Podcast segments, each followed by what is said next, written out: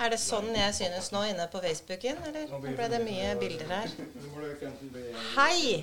Nå er vi tilbake.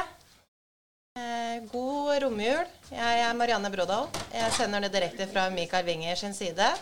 Og Asbjørn gikk akkurat ut her nå for å trekke litt frisk luft.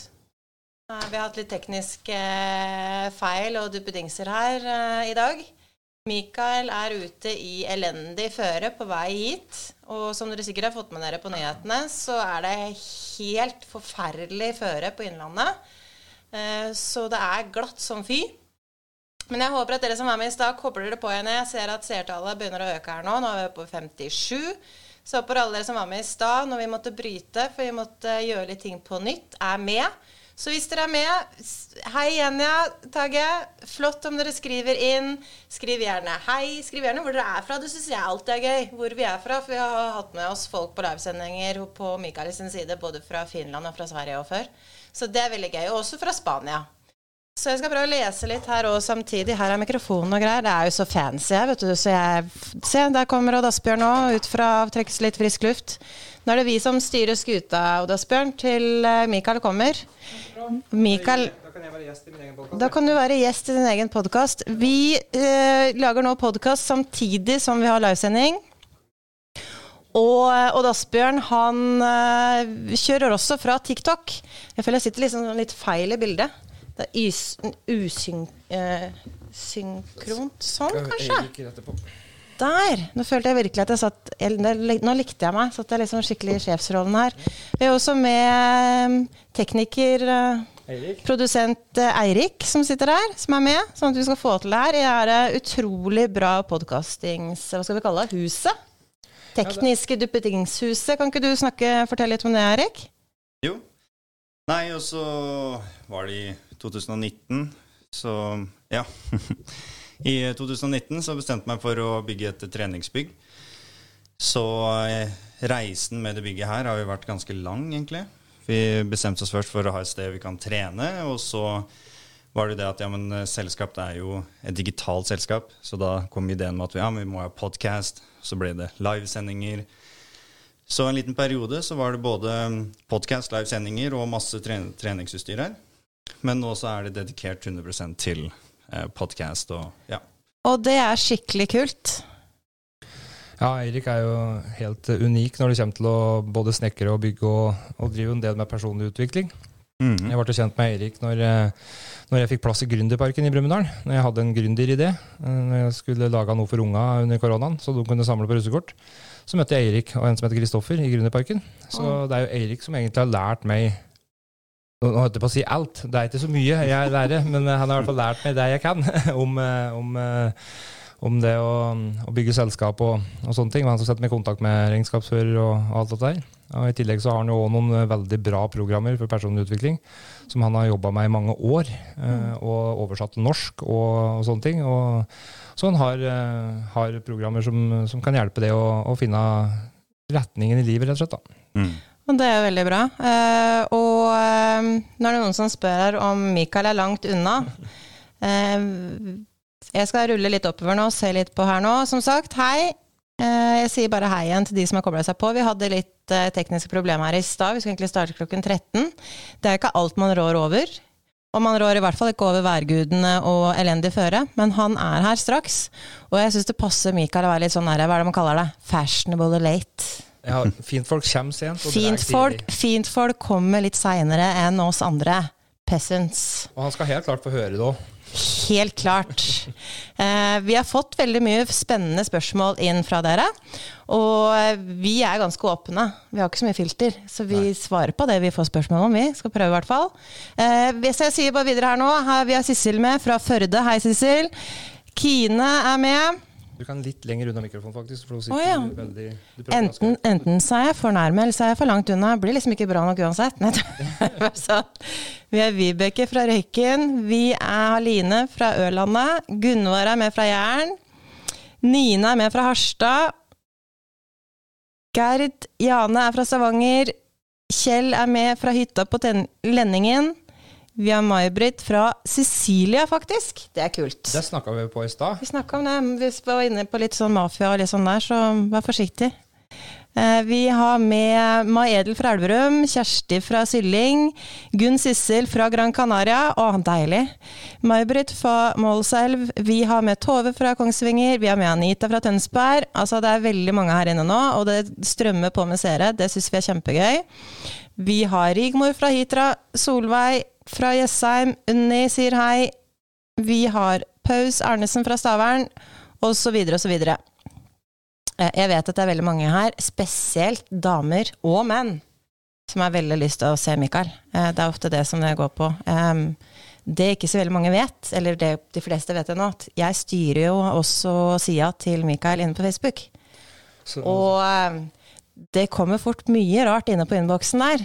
Og så virker det som det virker som at det er damer på sånn 40, eh, 40 pluss har en free pass når det gjelder å sende dryge meldinger til mannfolk. Men hvis mannfolk skal sende dryge meldinger til damer, det er liksom ikke lov, det er den perverse. Men damer er søren ikke noe bedre.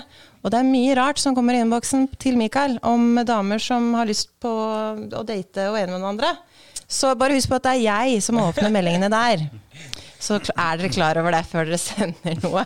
og hvis dere hører meg der borte på telefonen eh, borte Ja, vi driver med TikTok-innspilling samtidig. Så, eh, så, håper jeg at dere høres. Hvis ikke så kan dere gå inn på Facebook på uh, Mikael Winger sin offisielle side. Og så kan dere følge livesendinga der òg. Så ja. hvis dere hører oss dårlig, så gjør det. Og så kommer det også til å bli klippa til en podkast. Det er det disse gutta her er veldig gode på. Klippe til, og det ble lagt ut på Spotify, så den også blir ligge her.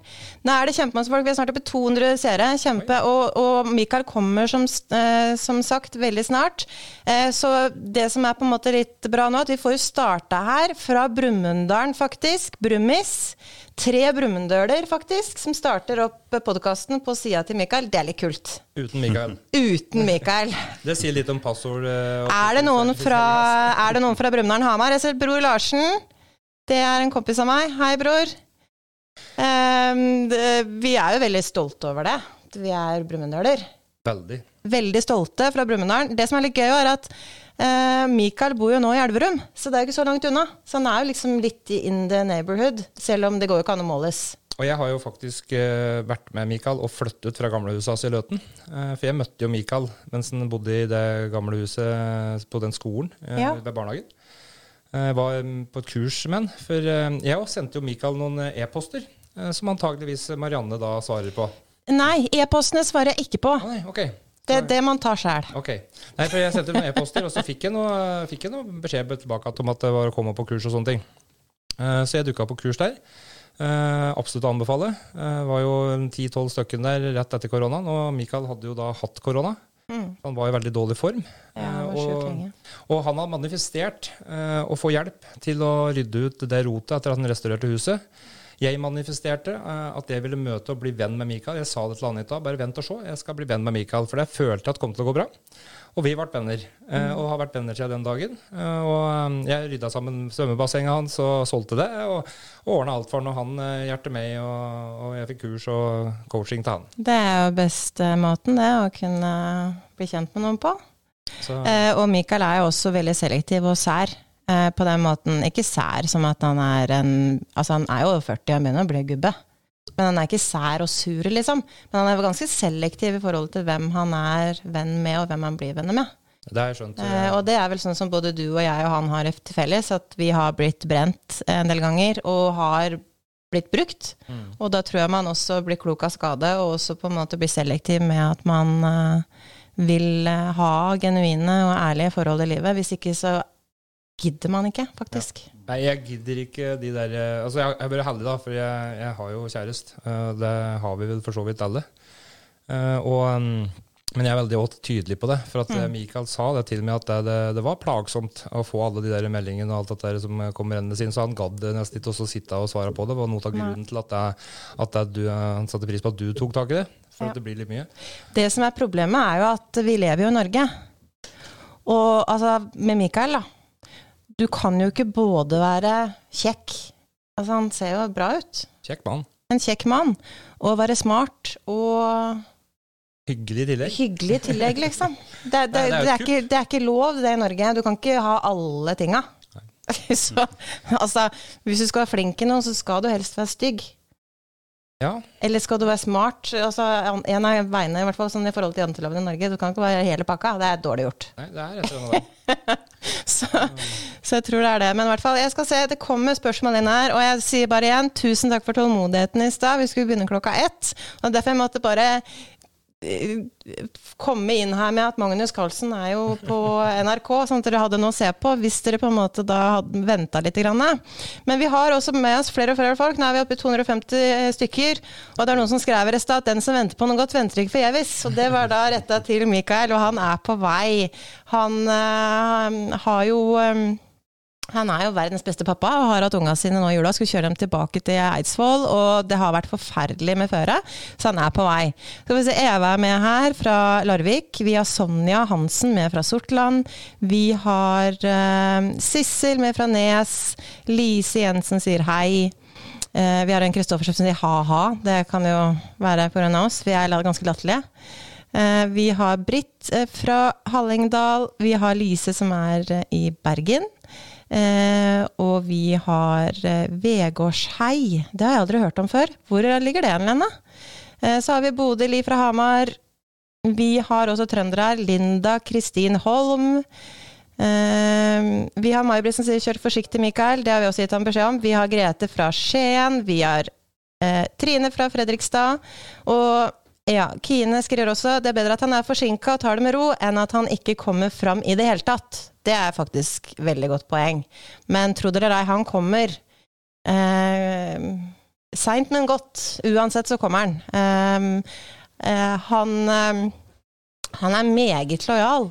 Eh, det som er så gøy, er at eh, jeg har, pappaen min døde jo i 2005. Og jeg husker han sa det til meg en gang. Så sier han at uh, snakka om venner, for da hadde jeg en periode jeg hadde så veldig mye venner. Eller sånn omgangsvenner, da, ikke sant, når man vokser opp. Så sier han, men hvem er det du kan stole på? Så sier jeg, men har da mange venner jeg kan stole på?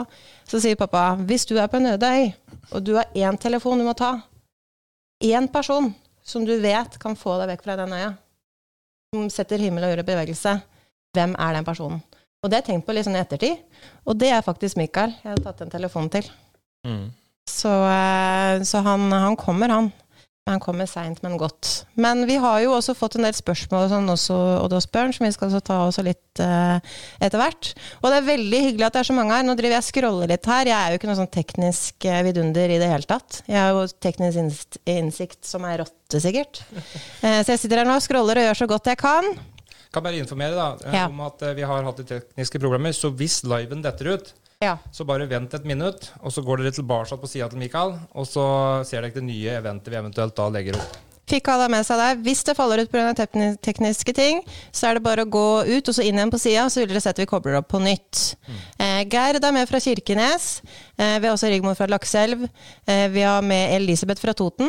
Gærne sier Mjøsa, men det er helt greit. De har fin, Eller er ikke sånn lenger nå? Er de har fin utsikt da, hitover. De har veldig, Dere fra Toten, dere har fin utsikt over hit, hit der vi sitter nå. Det kan vi si. Vi har masse trøndere. Vi har eh, fra Follafoss. Eh, Anita Holte. Vi har Marie Seljevold fra Trondheim. Altså, det renner innover her.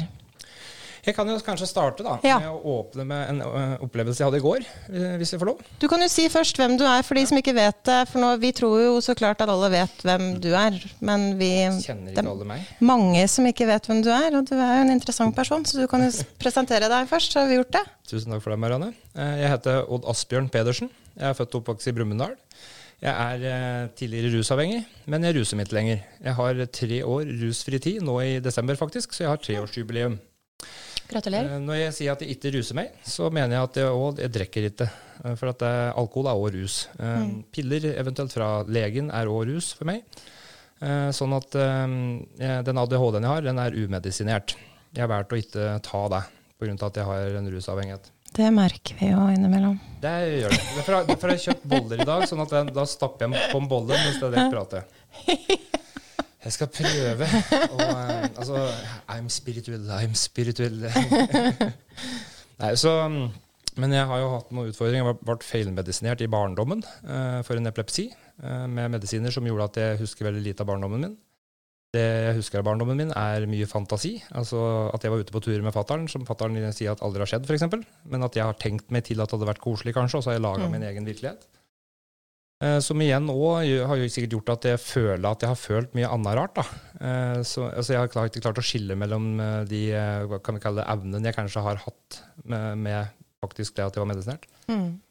Og så gikk jeg over til alkohol i en alder av 16, mm. og drakk veldig jevnt frem til jeg var 27. Da prøvde jeg amfetamin for første gang i mitt liv, og det åpna seg en helt ny verden for meg. Jeg fikk en sånn ro i huet mitt som jeg aldri har opplevd før. Jeg ble ikke speeda og gira, sånn som alle andre uh, ble. Uh, hadde jeg blitt det, så hadde jeg kanskje ikke for, vært å fortsette, faktisk. Men mm. for meg så ga det meg en utrolig stor ro. Og um, en dag ble det til to, to til tre, uh, og før jeg visste ordet av det, så satt jeg med nåla i armen og, og skjøt amfetamin med sprøyte etter et år. Uh, havna i fengsel etter, etter tre år rusa. kom ut igjen, var nykter i to år, trodde alt skulle ordne seg. Eh, det var ingenting som ordna seg, for det var jo egentlig da utfordringene begynte eh, for meg. Jeg hadde på en måte ingen problemer før jeg ble nykter. Mm. Måtte ta hånd om alt. Eh, ramla utapå igjen, prøvde å ta livet av meg pga. det, for jeg følte jeg hadde svikta familien min. Og endte da opp på en 15 år lang reise med rus, hvor jeg ga F i alt og alle, egentlig, bortsett fra meg sjøl. Mm. Og um, i 2019, mars 2019 så, så ble det knivstukket åtte ganger her i Brumunddal. Ehm, jeg sløss med en fyr som, eh, som eh, var voldelig mot eh, dama si. Og endte opp med å bli som sagt knivstukket åtte ganger. Lå fire uker i koma. Og det var jo der på en måte reisa mi startet med, det, med det spirituelle skikkelig. For der hadde jeg noen opplevelser i koma som jeg kunne ha sett og hørt om på film, eller når Mikael har pratet om ting på TV-en, eller ja, sånne, sånne, ting. Men da fikk jeg virkelig føle på det sjøl, for um, jeg opplevde rett og slett en sånn ut av det sjøl-opplevelse. Jeg observerte meg sjøl bakifra i de komadrømmene. Perspektivet ditt endra seg, liksom? Ja, jeg hadde drømmer. Så det fra et annet perspektiv? Ja. ja. Jeg hadde jo drømmer, eh, sånn som du har om natta, som jeg kjente igjen som drømmer. At det var mareritt. Mm. Sånn når du våkner og du føler at dette her var en drøm. Jeg hadde dem òg. Mm. Men de tre episoder, de spesielle episodene hvor jeg så meg sjøl bakifra, eh, det var nok på de tidspunktene jeg svevde mest mellom liv og død. da. Ja. For jeg ble jo operert i en lå med åpen buk. De tok ut alle innvollene mine eh, og vaska dem og så over dem og mm. putta dem inn igjen. Og jeg lå med åpen buk i tre døgn med over 41 feber. Jeg fikk åtte forskjellige antibiotikakurer samtidig. Eh, og hadde, ja, det, det var, de trodde at de kom til å miste meg flere ganger. Og jeg tror det er der på en måte, mm. at jeg opplevde det jeg opplevde. da. Nær døden-opplevelse. Ja. Det er jo mange som snakker om det. Og... Så det hvite lyset. Mm. Eh, men det hvite lyset var da på en kjent plass. For det var hos bestemor og bestefaren min oppe i Fuglenesåsa. Ja. For bestefaren min har jeg hatt et veldig nært forhold til. Han døde jo tidlig eh, oppe i Åsa. Og eh, jeg ble sittende i, i, på kjøkkenet deres. da. Bestemor er jo fortsatt i live. Mm. Eh, men bestefaren min kom da ned trappa. Jeg hørte lyden når han trampa i trappa og kjente igjen alt dette. Jeg så lyset kom nærmere og nærmere, men jeg klarte ikke å reise meg og gå imot det. Jeg var så nysgjerrig på det. Mm. Og så plutselig åpner døra seg bak meg, og da ser jeg igjen utenfra meg sjøl sittende på kraken, og så ser jeg bestefaren min komme ut, og så klapper han i hendene som han gjør, gjør liksom Neimen, sitt du her, da, gitt. Skal ikke være her, du, vet du. Og så tar han tak i skuldra mi. Og da plutselig er jeg i kroppen min igjen. Ja. Og så kjenner jeg at jeg blir sugd bakover i et svart høl. Mm. Og så slår jeg opp øya etter fire uker i koma på, på Ullevål eh, sjukehus, og, og, ser mora og faren min da stå ved senga. Ah, ja, nå fikk jeg gåsehud. Det er en ganske sterk historie. Mm. Det er det. Og der møtte jeg òg en annen fyr eh, som kalte seg Arne. Som jeg var så heldig å få meg noe beskjed tilbake til noen som bor i nærheten her. Ei dame. Mm. Som kunne bekrefte plassen jeg hadde vært på oppe i Nord-Norge. Eh, at de bilene som sto der, var sånn og sånn. Den fargen på dem, åssen husa så ut innvendig, utvendig. Den nye garasjen han hadde bygd, veien opp. Jeg kunne umulig ha visst dette fra før. Så heldigvis. Jeg tror det var meninga at jeg fikk med den beskjeden for at jeg skulle få en bekreftelse, faktisk. Ja, ikke sant? Jeg tror egentlig ikke at det var noe beskjed. Det var jo en beskjed til hun også, som hun var veldig takknemlig for. Mm. Som hun sa det kan du ikke ha visst, sa At jeg hadde det, hadde det kaffeserviset stående i, i leiligheta mi. Det kan du ikke ha visst. Uh, men men det kunne jeg fortelle, da. Som det ble en bekreftelse for oss begge to da, på at det var noe mer. Ja, for det er jo mange som kan ha en nær døden-opplevelse, som kanskje ikke får muligheten til å få bekrefta de opplevelsene de har. At du fikk muligheten til å gjøre det sånn at du kunne forstå at her er det noe som jeg har opplevd, eller er noe som på en måte har blitt satt i gang i deg. For det er vel da du også på en måte forsto at det var litt mer mellom himmel og jord, og at du den spirituelle delen av deg kanskje begynte å våkne på. Det hører du jo veldig mange andre òg. Jeg husker ikke hva han heter. Husker dere han veldig kjente Han var vel forfatter og skuespiller. Han hadde sånn nær døden-opplevelse. Han var jo vel også narkoman. Mm. Hadde en nær døden-opplevelse og kom tilbake. Og, ja. og, han ble veldig spirituell og åpen og hadde masse å fortelle. Så det er mange som, eh, som snur veldig livet sitt etter en opplevelse. Men det er i hvert fall da Odd Asbjørn. Veldig spennende person. Eh, nå er det sånn at Hvis folk sitter her nå og drikker, eller tar seg en shot, da, eller tar seg kaffe hver gang vi sier Brumunddal, tar en kopp kaffe, så blir det i hvert fall uh, for mye koffein eller uh, shots. Plingparty. Det er jo sånn der Pling party at hvis du sier hvor, alle ganger vi sier Brumunddal, så er ikke meningen det, altså. At vi skal bli sånn der eh, Dala-kjørt. Vi, vi, sier jo Dala. Vi Dala. som er fra Brumunddal, sier jo at vi er fra Dala. Eh, så det er veldig mange personer inne her nå. Jeg håper dere koser dere. Det er bare å stille spørsmål. Skal bare stille spørsmål. Og som sagt, eh, Mikael kommer. Vi er nå oppe i straks 300 seere, så det her syns vi er kjempegøy. Og blir som sagt også lagt ut på eh, Spotify, podkasten til Odd Asbjørn, Oddpod, mm.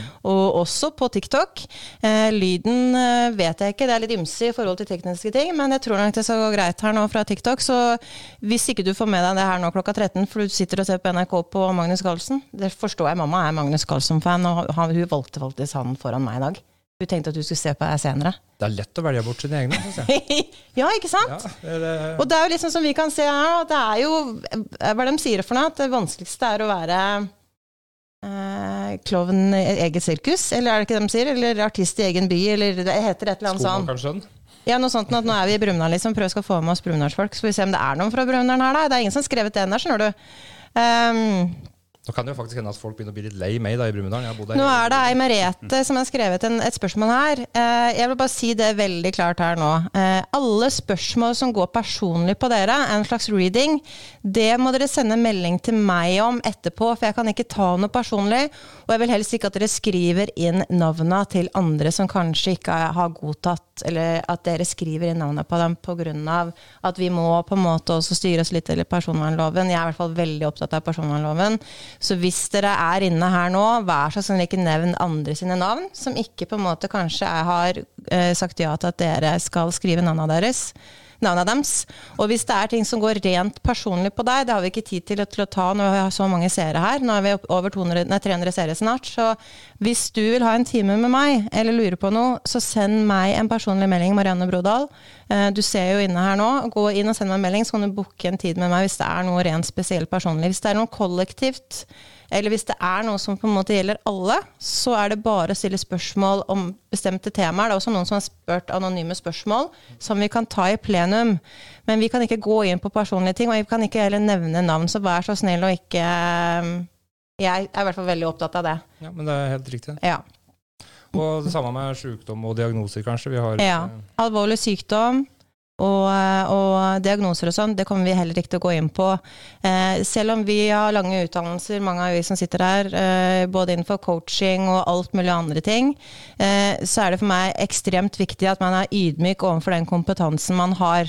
Jeg har ikke noe medisinsk kompetanse, jeg er ikke noe lege eller psykolog, så det er veldig viktig at man på en måte holder seg til det man kan, og sin egen kompetanse. Jeg kommer ikke da til å gå inn på spørsmål som gjelder sykdom. Jeg kan alltid som høysensitiv sensitiv og som eh, med den intuisjonen jeg har, få inn så klart følelse av hva ting er, eh, og hvordan ting kanskje går.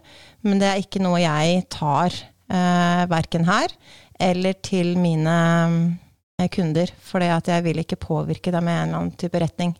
Da vil jeg heller gi dere verktøy, sånn at dere kan på en måte få den bedre livskvaliteten. For det er dere som styrer selv, og skaper deres liv når man gir for mye makt til de ytre faktorene, eh, så blir man faktisk forsvarsløs og hjelpeløs hvis det er alt er alle andre sin feil, eller det er noen andre som skal styre hvordan livet ditt er.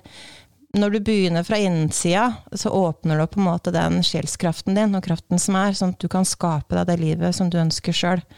Eh, og det er det som handler mye om. Vi har jo fått eh, et tema i dag som handler om tilgivelse, og som handler om takknemlighet.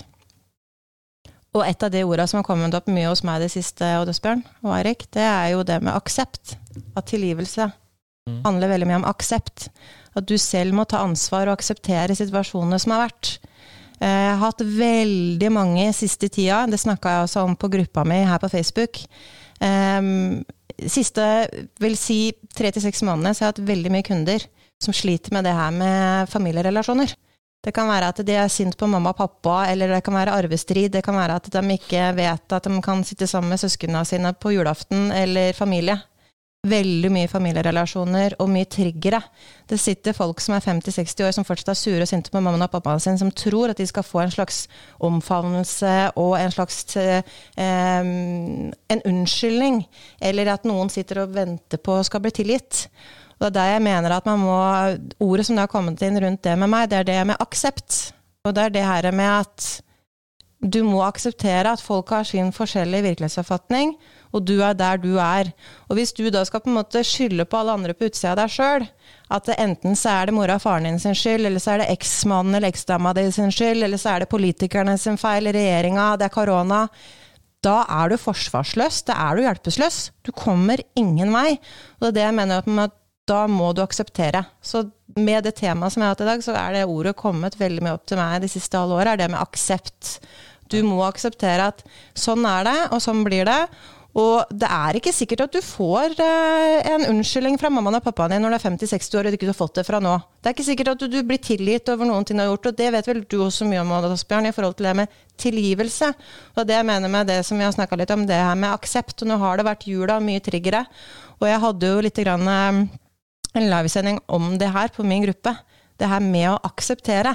Mm. Og det her å møte triggere fra hjertet med en type forståelse av andres virkelighetsoppfatning, og ikke møte en trigger med en trigger, som man veldig fort gjør. Og hva er det største triggeren vi har? Det er jo de nærmeste relasjonene våre. Det er jo nettopp familie. Komme hjem på julebesøk, og hvis mora eller faren din sier noe, så er det klikk, så er du plutselig drittunge på 15 år. Ja, dette har jeg opplevd. Ikke sant? Så, så, det er det, nå er vi midt i romjula, og det er sikkert mange som sitter nå og bare liksom puster og bare Ok, jeg reiser på søndag, jeg reiser på søndag, jeg reiser på søndag. Bare noen få dager igjen. Jeg er her for unga sin skyld. Vi er her for unga sin skyld. Jeg er her for unga sin skyld. Så det der er helt vanlig. Sånn at, Men det er slitsomt å ha det sånn. Det er veldig ja, energitappende. Ja, det er det. Men det er det jeg mener at som jeg sa, vi gir de ytre påvirkningene våre altfor stor kraft. Og da er vi hjelpeløse, og vi er faktisk helt forsvarsløse. Og der vi må begynne å ta ansvar oss sjøl. Og det er da du begynner å på en måte knekke koder og åpne opp en sånn type kraft i deg sjøl, der du kan begynne å styre og skape ting fra, fra ditt eget, eget perspektiv. da. Mm. En veldig kraftig ting som jeg har fokusert på veldig mye, er at hva enn jeg fokuserer på, er det jeg opplever. Ja. Så hvis jeg fokuserer på noe positivt, så opplever jeg positivt. Hvis jeg fokuserer på noe negativt, så opplever jeg det negative. Så alltid minne meg selv på det. Mm. og holde meg til det så lenge som mulig. Absolutt. Ja, og så etter den eh, knivstikkinga, eh, mm. 15 år i rus Du er jo forholdsvis egoistisk i de åra du ruser deg. Mm. Eh, det handler jo om en, en, en, egoistisk oppførsel, da. Hvor, hvor, jeg gikk foran alt, og jeg pekte kun utover. Det var alle andres skyld. Alt som skjedde, var alle andres skyld. Mm. Jeg så jo ikke det da, men jeg følte at alt ble gjort imot meg, uansett hva det var. Mm. Uh, og jeg måtte skape min egen måte lykke eller suksess. Og jeg ikke fortalte meg sjøl rusa òg at jeg var en bra person. Jeg er en bra person, jeg vet jeg er en bra person, men jeg gjorde jo ikke så bra ting. Det er forskjell på å tenke det og gjøre det, men, men det at jeg fortalte meg sjøl at jeg var en bra person, gjorde at jeg hadde håp om at jeg, at jeg var det, og en visshet. da. Så, sånn at det, som Erik sier, det du forteller deg sjøl, er jo det du tar med deg videre i en endring. Sånn at hvis du er negativ i tankegangen din, da, så, så, vil du på en måte oppleve det å havne på den negative sida når ting går imot deg. Mm. Men uh, når han knivstakk meg, så det eneste jeg klarte å tenke på Jeg våkna jo lam. Eller uten mulighet til å kunne røre på meg. da. Uh, så det tok jo, uh, tok jo, to måneder før jeg klarte å reise meg og gå fra senga. Måtte trene meg opp. Og den perioden jeg hadde der, den var så prega av hat og hevntanker. var du bitter? Bitter. Sint? Jeg var sint, jeg var lei meg. jeg var jeg, jeg, var alt. Det, var ikke en følelse jeg følte på. Jeg ga opp flere ganger. Jeg hadde sammenbrudd hvor jeg bare satt og grein og ba mora mi om å, å, å ta livet av meg. For at jeg mm. klarte det ikke sjøl. For jeg klarte ikke det jeg meg. Jeg bare ba dem dra ut ledninger, og bare, jeg ville bare dø. Mm. Uh, og alt dette gjorde igjen at jeg kanaliserte all det sinnet mot han som knivstakk meg. Og, og jeg, jeg, for å være ærlig så hadde jeg Jeg, jeg skulle ut og drepe han. Mm. Ta livet av han, og så skulle jeg ta livet av meg sjøl. Uh, eh, var, var det jeg tenkte. Og det hatet jeg hadde der, og, og, frykten, så klart. Det var jo mye frykt. Det var jo pga. frykt, kanskje. Det å ikke kunne le av seg og sånne ting. Og når han da kom ut av varetekt med en feiltagelse, da, politiet slapp ham ut av varetekt, og så bor han to kilometer unna der jeg lå i Brumunddal liksom, på rehabilitering, så bøtte jeg igjen veggen. Ja, Det var vel en supertrigger ja. når du fikk vite det. Altså, Skulle du kanskje nesten ikke ha visst det? Eh, jo, jeg er glad for at jeg, ja. jeg, jeg tror jeg fikk vite altså Jeg tror alt det der skjedde for en grunn. da. For at vi på en måte fikk da muligheten til å håndtere det til slutt. Mm. For um, mens jeg lå der og, og hadde hevntanker og hat og frykt og alt dette der, så, så um, kommer faren min uh, opp og besøker meg, og han er uh, fly forbanna. Mm. Og faren min han er sjelden sint. Men da var han uh, forbanna på politiet for at de hadde gjort en slett jobb og sluppet ut av han. Mm. Og han så jo meg, åssen jeg reagerte, ikke sant? så han ble både redd og, og bekymra for meg. Uh, men han, uh, han, viste da en sånn kjærlighet for meg, da, med å, å virkelig vise meg at jeg har ryggen din, jeg passer på det. altså jeg, Kommer han på gården vår, så, så, håndterer jeg det. Mm. Og, men da når jeg så faren min, som aldri er altså Han er så rettferdig, han. Han er mm. så, så Hva skal han si, da? Ja? Altså rettferdig, snill uh, altså Han er alt da på en måte som en bra mann skal være. Um, og, um, men, men, å vise kjærlighet for meg, da, mm. og meg tilbake til han, det har vært et, en utfordring for oss gjennom hele livet. Um, så han har vist kjærlighet med å hjelpe meg ut av vanskelige situasjoner. Det er hans måte, på en måte. Det, vi sa jo aldri at vi var glad i han før etter dette her. Da fikk du fram kjærlighetsspråket hans? Ja, det er egentlig begge to, kanskje, ja. tror jeg. For at jeg, nå, så, nå, tar jeg klemmer til han, og han, han tar omkring meg. Jeg kjenner at han holder meg, ja. liksom. Sånn at, og det har jo aldri skjedd før. Og, og der, når, jeg så han, og åssen mm. han ble, mm. så slo den en tanke i huet på meg om at vet du hva, dette her handler bare ikke om deg og Asbjørn. Ja. Dette her er faktisk ikke bare deg. Og så begynte jeg å titte på øya til dem rundt meg. Søstera mi altså, hun var helt tom i blikket. De var så slitne. De var så slitne ja. av alt som hadde skjedd gjennom de åra, og det som hadde skjedd der. Eh, og, og, da fikk jeg enda et sammenbrudd, for da gikk det opp for meg hva slags person jeg egentlig hadde vært da, mm. i forhold til det jeg hadde fortalt meg sjøl. Eh, og da fikk jeg en ordentlig um, runde med sjøle... Hva heter det? Sjøle... Innsikt? Ja, eller jeg begynte å evaluere meg sjøl. Og, hva jeg på måte, ja. ja. og innså liksom at ja, men, så fortsatt så lå jeg med den tanken om at jeg, uh, han trengte ikke å knivstikke meg. Han kunne ha sli meg, han kunne ha mm. holdt seg inni der. Men hva var det jeg gjorde, da? Ja. Hva, hva, var min oppgave, eller liksom min posisjon mm. i den situasjonen som skjedde? Og det var jo at jeg slo han ja. først. Og sjøl om han på en måte var i en situasjon som var uh, ja, han, han, ble jo dømt for vold mot kjæresten sin. Så begynte jeg å tenke kunne jeg ha gjort ting annerledes? Og jeg konkluderte jo til slutt med det. At uh, ja, jeg kunne ha dytta han eller dratt han unna eller bedt han gått inn, eller jeg kunne ha håndtert det roligere. Men uh, på en annen måte så, så, hadde jeg ikke evnen uh, til å evaluere det på det tidspunktet. Det bare skjedde. Det var en mhm. reaksjon for at jeg reagerte på det som skjedde. da. Men, jeg, men jeg, likevel så skjønte jeg at det, her kunne jeg håndtert ting annerledes. Men det er veldig stort at du klarer å på en måte gå tilbake og tenke det. For de aller fleste vil jo være gjennomsyra av sinne og skylde på og men at du klarer på en måte å se hva er, som vi snakka om i stad, det med aksept og det å selv ta ansvar for situasjoner som har vært vanskelig. Og ikke skylde det på ytre faktorer hele tiden, men ta ansvaret for hva er det som egentlig har skjedd her. Er det noe jeg kan ha gjort, eller hva er det som gjør at jeg tiltrekker meg de situasjonene eller de menneskene, eller at man selv er nysgjerrig for å prøve å bli bedre kjent med seg selv. Da. Det, det sier ganske mye. Det er ganske stort, i hvert fall i en sånn voldsom situasjon. Men jeg kjente jo fyren litt fra før. ikke sant? Han var jo sammen med bestevenninna mi på dette tidspunktet, som har vært mm. bestevenninna mi i 20 år. Ja. Sånn at, um, sånn at um, egentlig, Jeg syns jo fyren er kul. Jeg, jeg synes det er fortsatt en dag i dag. Jeg, jeg, der får jeg hatt så interessante, dype samtaler med, mm. uh, intelligente samtaler med, med, han. Sånn at jeg hadde en slags respekt for han. Mm. Men vi begge to var i en tilstand uh, Han hadde jo to i promille. Uh, jeg var jo rusa på, på um, Ritalin. Eller spiste store, hadde med store doser med det. Sånn at eh, jeg tror at hvis vi på en måte Hadde vi vært nyktre, eh, mm. edru, eh, så, så, hadde ikke dette skjedd. Nei. Og det er det jeg på en måte henter meg inn, at, vi er jo egentlig de personene der, noen av oss. Nei. Men så var det viktig at det skjedde, for du skulle jo sitte med den historien som du sitter med nå, som du kan fortelle videre. Og det jeg mener at det er ingenting som er forgjeves. Så uansett hvor vonde, vanskelige situasjoner folk sitter i, så vil du en eller annen gang fram i tida sitte og tenke at ok, wow, aha, nå skjønner jeg hvorfor jeg gikk gjennom det her. For er, dette er en grunn for at jeg har en historie jeg skal fortelle. For det er andre som kanskje sitter der som trenger den type visdom. Visdom får du jo gjennom erfaring. Mm. Kunnskap får du gjennom det du på en måte lærer deg, men visdommen kommer ut fra erfaring, og det er kanskje noe av det viktigste. Og det viktigste ut fra sånne situasjoner er jo at du er nysgjerrig. Jeg tror nysgjerrighet og undring er noe av det mest viktigste vi besitter av følelser. Det å være undrende nysgjerrig, og ikke minst på seg sjøl, og forstå på en måte hva er det som foregår inni deg. Hvordan kan jeg på en måte bli en eh, bedre versjon av meg selv? Eh, og være nysgjerrig og sjekke ut det. Og det er der du har gått liksom fra en egorespons og en traumerespons til å på en måte forstå, når du sier med faren din kommer, at her er vi faktisk et vi. Du ser det fra noen andre sitt perspektiv. Da er du på en måte ikke i egoresponsen din, da er du på en måte i vi-et. Da er du i fra hjertet og har på en måte et annet perspektiv på det. Og det er der på en måte veldig mange møter seg sjøl i døra. Og alle vil jo ha en egorespons og traumerespons, for det er sånn vi er ut ifra hva vi har opplevd, og familie vi er oppvokst i, og alt mulig. Men når du begynner å jobbe med deg sjøl, og du forstår det at du får de her røde flagga, eller alarmen går av i den her egoresponsen, og du forstår og vitner at du er en ego-traumerespons, og da kan på en måte begynne å gjøre noe med det, overkjøre systemet, det er da du har på en måte begynt å lukte på ting som kan endre livet ditt for bestandig. Og det er det også som Eirik sa her i stad òg, det her med fokus har jo veldig mye å si. Men det er jo også da, for Eirik har nok jobba også mye med sin egen bevissthet, tror jeg.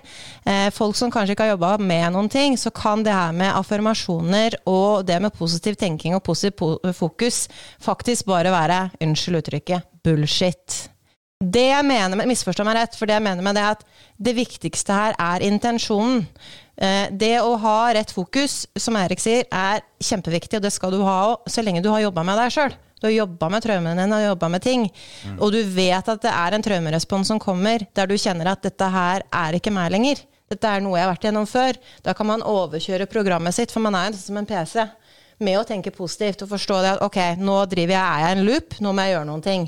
Men hvis du ikke har tatt den først, og du prøver da på en måte bare kun å drive med positive affirmasjoner og, og, og, si positive ting og prøve å være positiv, så blir det for mange bare en virkelighetsflukt. Det er samme som å på en måte bare legge på et lokk på masse følelser, da skjer det ikke en dritt. Da er det viktig at du får prata med folk, om det er ringer til en coach eller en psykolog, eller snakker Vi er veldig mye dyktige veiledere på vikoll.no. Eller at du, på en måte begynner den jobben med deg sjøl, som Odd Åsbjørn Erik helt sikkert har gjort òg. Det merker jeg på måten han prater på, at han har jobba med seg sjøl. Eh, så må du få hjelp med det først. Eh, for det er mange som sier ting og tenker at man eh, skal manifestere og få gode ting inn i livet, men da må du ha intensjonen. Alt handler om energi og vibrasjon. Eh, og du kan si hva som helst, egentlig. Men så lenge ikke intensjonen bak det du sier, er ekte, så blir det en mismatch i energi. Altså Du kunne kommet til meg nå og sagt at ja, jeg har det kjempebra, men hvis ikke du hadde hatt det bra, så hadde det blitt en eh, feilkobling i forhold til hva du sier og energien din. Det er det jeg mener at du må ha en energi, vibrasjon og en, og en intensjon bak det du sier. Hvis ikke så betyr det ingenting hva du sier. Nei, helt riktig. Mm. Så det er viktig at man må få jobba ut ting først. Det er det som er veldig viktig. Um, jeg vil bare si det. Eh, jeg skal bare se, se fort her om det er flere her som har skrevet. Eh, Stina Hedlund, kan dere si noe om det kollektive bevissthetsskiftet som foregår nå? Det må du si noe om, tror jeg. For det, det, det kan bare sies, da, for de som ikke kjenner meg, eller de som kjenner meg òg, eh, er at eh, jeg er jo veldig i starten på min eh, spirituelle reise. Så jeg driver enda og, og undersøker meg sjøl på hva jeg er god for, da, på en måte. Mm. Sånn at Sånn at uh, Jeg er ikke på det med planeter, hva slags røkelse eller stener du skal bruke. Altså, jeg, er ikke sånn som deg. Du kommer med masse anbefalinger om hva jeg kan gjøre for å, for å Jeg vet ikke alltid hva jeg sier engang sjøl. Det bare kommer. Ja, ikke sant? Men, meg, men, men, av meg så kommer det ikke en dritt med, med stener og røkelse og sånne ting. Men jeg får veldig opp klart ja, nei, eller hva er best for deg? Mm. Hva, hva, hva, kan jeg anbefale det å gjøre? Sånn at um, når det kommer til sånn der, å ta sånn verdensbilde-greie, uh, der har jeg nok hatt litt å lære. Men jeg føler jo uh, når energien er lav, tung og sånne ting. Men jeg, men jeg og du kjenner jo Dette er jo Stina Hedlund som stiller spørsmålet her. Altså, Kan dere si noe om det kollektive bevissthetsskiftet som foregår nå? Og det har jo dere alle Begge to har jo fått med dere det. At det er jo store endringer som skjer. Mm. med mennesket. At de stiller mye mer spørsmål. De forstår nå at det er ting som er ikke helt riktig. I forhold til alt fra korrupsjon til det på en måte med å ta ansvar, med det å på en måte ta egne avgjørelser. Det er veldig mye ting som skjer. Eh, jeg kan i hvert fall si det sånn at jeg får ganske mye beskjeder. Um, og det jeg kan si, i hvert fall, Sina, er at uh, det er veldig mye ting fra 2023. Så begynner det med at man må begynne å skrive om en del historie. Mm.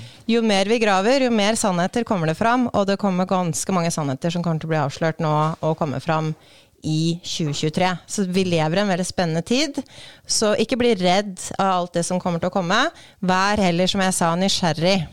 Eh, det er kjempeviktig. Vær nysgjerrig og vær litt undrende, for det er veldig mye ting som skjer. Og det, kommer, det går fordi at det kommer mye mer inn denne hjerteenergien.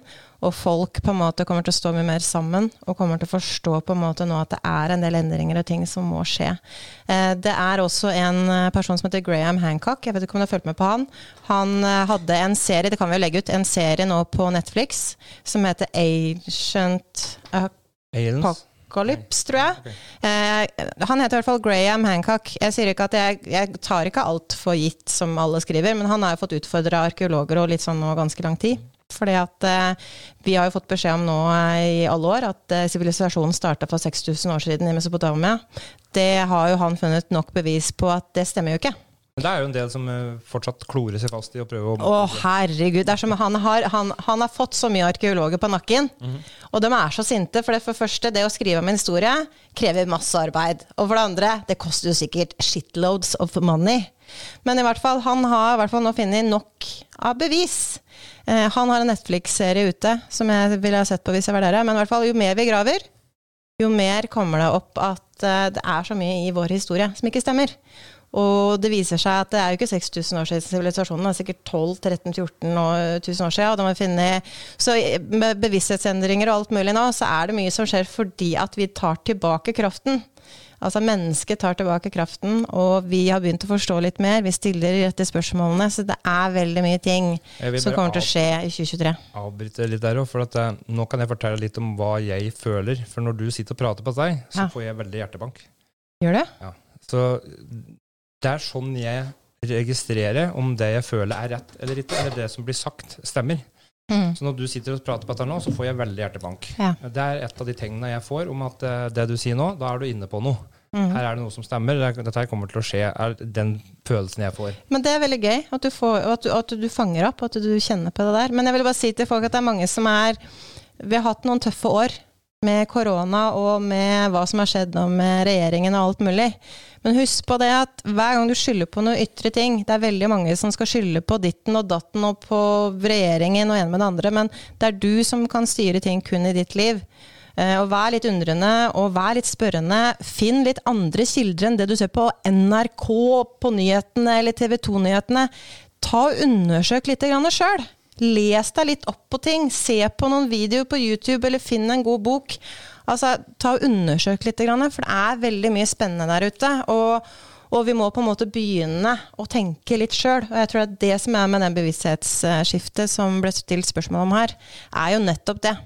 At uh, folk begynner nå å tenke sjøl. Man tar ikke alt det du ser for god fisk. Vi er ikke så lettlurte lenger.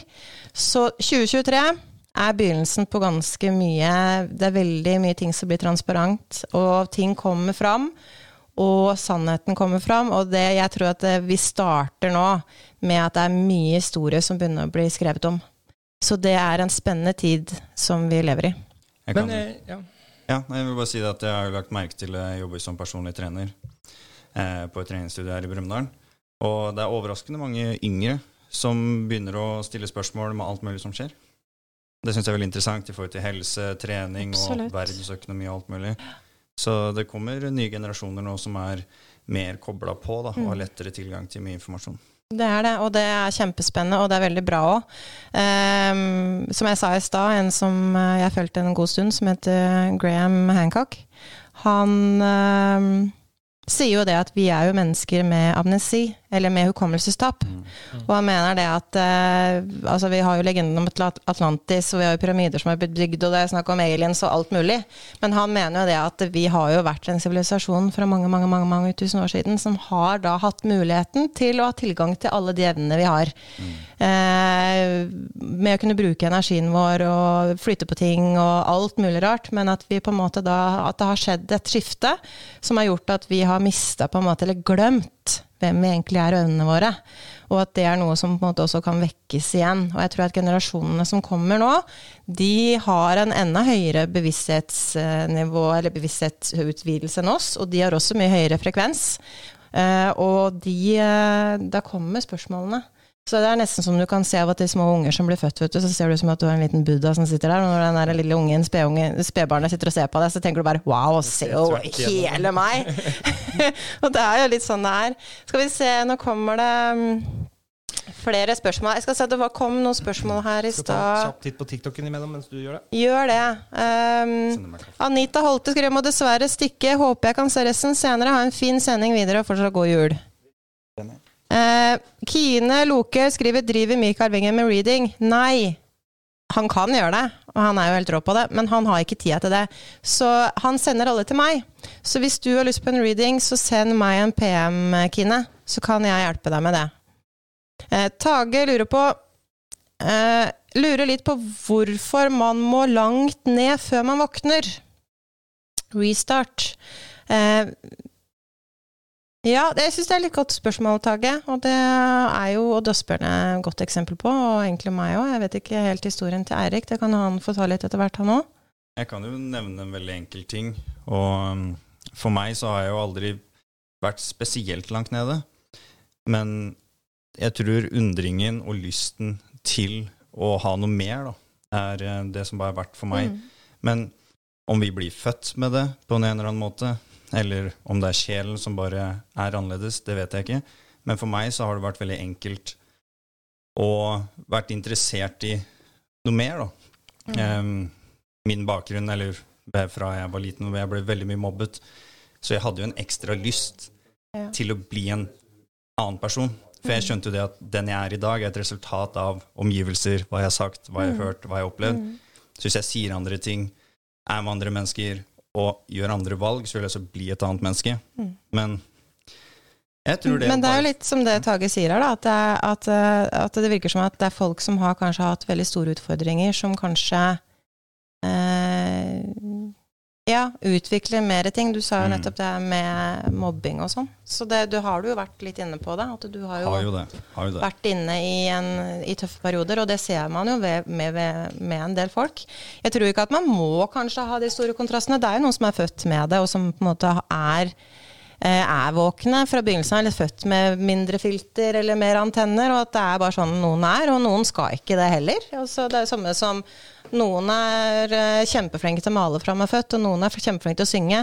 Noen kan lære seg å synge og, og, på en måte synge rent, men du vil aldri bli en god sanger for det. Mm. Så jeg tror det er bare litt sånn at vi er forskjellige, men, men det er jo litt som Tage er inne på her nå, at det er jo som regel veldig mange som er utafor mye eh, eller voldsomme situasjoner. Enten at man blir mobba, eller at man er nesten Eller at man dør. Du døde jo, man kan jo si det sånn. Ja, eh, ja. det var i hvert fall veldig nære. Eh, eller da eh, at man er igjennom heftige ting som gjør at man våkner opp og forstår at eh, her må jeg ta tak i ting og gjøre ting. Det tror jeg nok at det er en del ting i. Det er veldig mange som, eh, som vokser mye av traumer. Mm. Og det er veldig mange som vi snakka litt om, jeg var på podkast med Asbjørn sist, det er jo gjerne fiasko og nederlag man lærer av, ikke av suksess. Mm. Um, så det er jo veldig, veldig der. Men det er jo ikke det at du, du må Tage gå ut nå liksom, og så uh, sette deg i en situasjon som er helt jævlig, bare fordi at du skal på en måte våkne. Uh, men jeg tror de fleste forstår at det er jo gjerne de Hvis man klarer å ta ting til seg, for det er veldig viktig, hva er det du identifiserer deg med? For vi kunne jo sitte her nå med Eirik og Maud Asbjørn, som var to ofre, og Eirik hadde sagt ja, men jeg gidder ikke å gjøre noen ting, for jeg ble mobba på skolen, jeg skjønner du, så jeg på en måte har hatt det så vanskelig, så jeg har hatt det så fælt. Og, og Asbjørn har sagt at jeg er tidligere rusmisbruker og gir faen. Eh, sånn at, eh, og jeg er også på en måte tidligere voldsoffer. Så jeg kunne også sagt det at jeg eh, at identifiserte oss med å være offer. Og da kom man ikke så langt. Men hvis man begynner å ta lærdom av det man har lært av, og da vil endre det til å ikke være et offer. Det er vel da jeg tror man våkner. Tage, så jeg håper det var svar på spørsmålet ditt. Men apropos det, da. Så nå er jo vi altså Jeg ser på meg og deg og de som har opplevd sånne ting og faktisk kommet seg gjennom det, som veldig heldige. da. Eh, det er jo ikke alle som får åndelige oppvåkninger av de vonde. Noen Nei. er jo i offerrollen resten av livet igjen. Tar livet av seg pga. det og, ja. og, sånne ting. Og, så det er, på en måte så føler jeg at det er veldig lett da, for meg å sitte her og si at det, det er bare bare. ikke sant? For jeg har jo bare min opplevelse. Hva hadde skjedd hvis jeg ikke hadde hatt den der eh, åndelige oppvåkningen eller uh, kommet ut av det sånn jeg har gjort, liksom. Mm. Uh, og sittet som et offer. Jeg vet i hvert fall at jeg hadde fortsatt å ruse meg. Jeg hadde sikkert ikke vært i live i dag. Men, men det er jo på en måte det jeg syns er vanskelig. At mennesker som sitter og har, har, det så vondt, på en måte, da, mm. Føler nok, uansett om de prater med meg, at de kommer aldri til å komme ut av den situasjonen. Og det følte jeg jo jeg òg når jeg var rusa. At jeg mm. kommer, aldri, altså, jeg kommer aldri til å få det bra når jeg er nykter. Uh, og, og det vil jeg òg bare si, da, at uh, det å ha det bra, uh, det er ferskvare. Mm. jula har vært veld, ikke veldig, det har vært jævla tung for meg. Mm. Det har vært ordentlig tung energi. Jeg har ikke følt juleglede og sånne ting. sånn at jeg òg har vært lite på, på sosiale medier før nå og så virkelig fram til å, å, å ha det der, for at jeg visste at det kom et skifte. Og det er vel det som er litt av det som jeg på en måte gjør at jeg holder ut i de tunge situasjonene, er at jeg vet at det kommer en positiv endring hvis mm. jeg velger å, å, jobbe med det. Mm. mm. Eh, hvis du velger å sitte stille med det og se på Netflix og ikke gå ut av huset og spise godteri og legge på det og bli tjukk, liksom, og sånne ting, som jeg òg gjorde de to første åra, så, så, gir det deg en slags mental trygghet. da. Et slags mm. mentalt fengsel som du føler deg trygg i. Du kan låse døra innenfra og ut, ikke sant? Det blir en skikkelig toxic komfortsone. Ja, ja, så da jeg skulle begynne den personlige endringa mi med å være rusfri og begynne å lære å håndtere følelser igjen, så var jo det helt jævlig. Mm. Eh, og så satt jeg og venta på at når skal jeg føle lykke, når skal jeg føle lykke, når skal jeg bli happy? Altså, og, um, og, måtte til og med undersøke det òg, på en måte. Altså, hvorfor, hvorfor blir jeg ikke skikkelig lykkelig? Eh, men jeg er jo lykkelig innimellom. Og det er jo det som gjør at jeg holder ut. Og det er jo det som er livet, og det syns jeg er så veldig viktig å si at livet er jo ups and downs. Mm. Det er jo gode dager og dårlige dager, og det er viktig å omfavne de alle sammen. Mm. Av og til så er man dritsliten og har lyst til å isolere seg og sove og ikke gjøre noen ting. Og andre dager har man mer energi, og jeg syns det er viktig å omfavne alle dagene. For hvis du begynner med det her eh, å, herregud. Eh, sånn her at man skal bare være positiv, og nå må du bare tenke positivt, og nå må du gå ut, og nå, du må på en måte endre tankene dine, og du må, den der greia der hele tida. Da faller jeg av, fordi at eh, noen dager er helt jævlig. Mildt sagt. Med to streker under og utropstegn. Og noen dager er helt nydelige. Sånn er det, og sånn kommer det til å være for resten av livet. Hvis du tror at du kommer over den terskelen at du aldri skal få dårlige dager, eller utfordrende dager, da, da har du havna på feil planet. Og det er det eneste det er tidspunktet jeg velger å se bakover i eh, sladrespeilet. Mm. For du, De sier at du skal ikke se bakover, du skal ikke se bakover, du skal ikke se bakover. Jeg mener at du skal se bakover innimellom. Akkurat det samme som når du kjører bil, så titter du i speilet bak deg for å se bakover. Ja. Men ja. du må ha fokus framover for, ja. for, å ha en, øh, en framdrift. Eh, men i de tunge da, sånn som her om dagen, jeg satt og gren hjemme for at det, eh, det var et par utfordrende situasjoner liksom, og mye følelser, mm. så satt jeg og grein og, og prata med familien min og, og sånne ting. Og, og, så, og, det var veldig kjett og stusslig og tungt. Og, jeg var sånn der eh, langt nede. da. På, på, alle andre tidspunkt for tre år siden så hadde jeg gått ut og rusa meg og brukt det som en unnskyldning. Så det som er det jeg bruker da, av, av gamle måte, følelser og tanker, det er når jeg, når jeg, da er i den gråten eh, og den følelsen, og så sitter jeg og så tenker Og, og fortsatt så slår hjernen min inn på at jeg, hadde, hadde jeg hatt amfetamin nå, så hadde jeg tatt det. Mm. Eh, altså, det, det, er det første tanken hjernen min har, da, og det mm. kommer til å antageligvis ha resten av livet, kanskje òg. Men det at jeg ikke gjør det, eller det at jeg tenker det, og så bare Nei, det har jeg jo slutta med. Jeg, ikke, det, jeg behøver jo ikke det. For jeg vet at jeg kan håndtere dette her nå med det jeg har lært. Mm.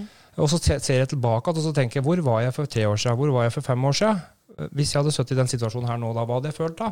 Mm. Og det jeg føler da, det er framgang.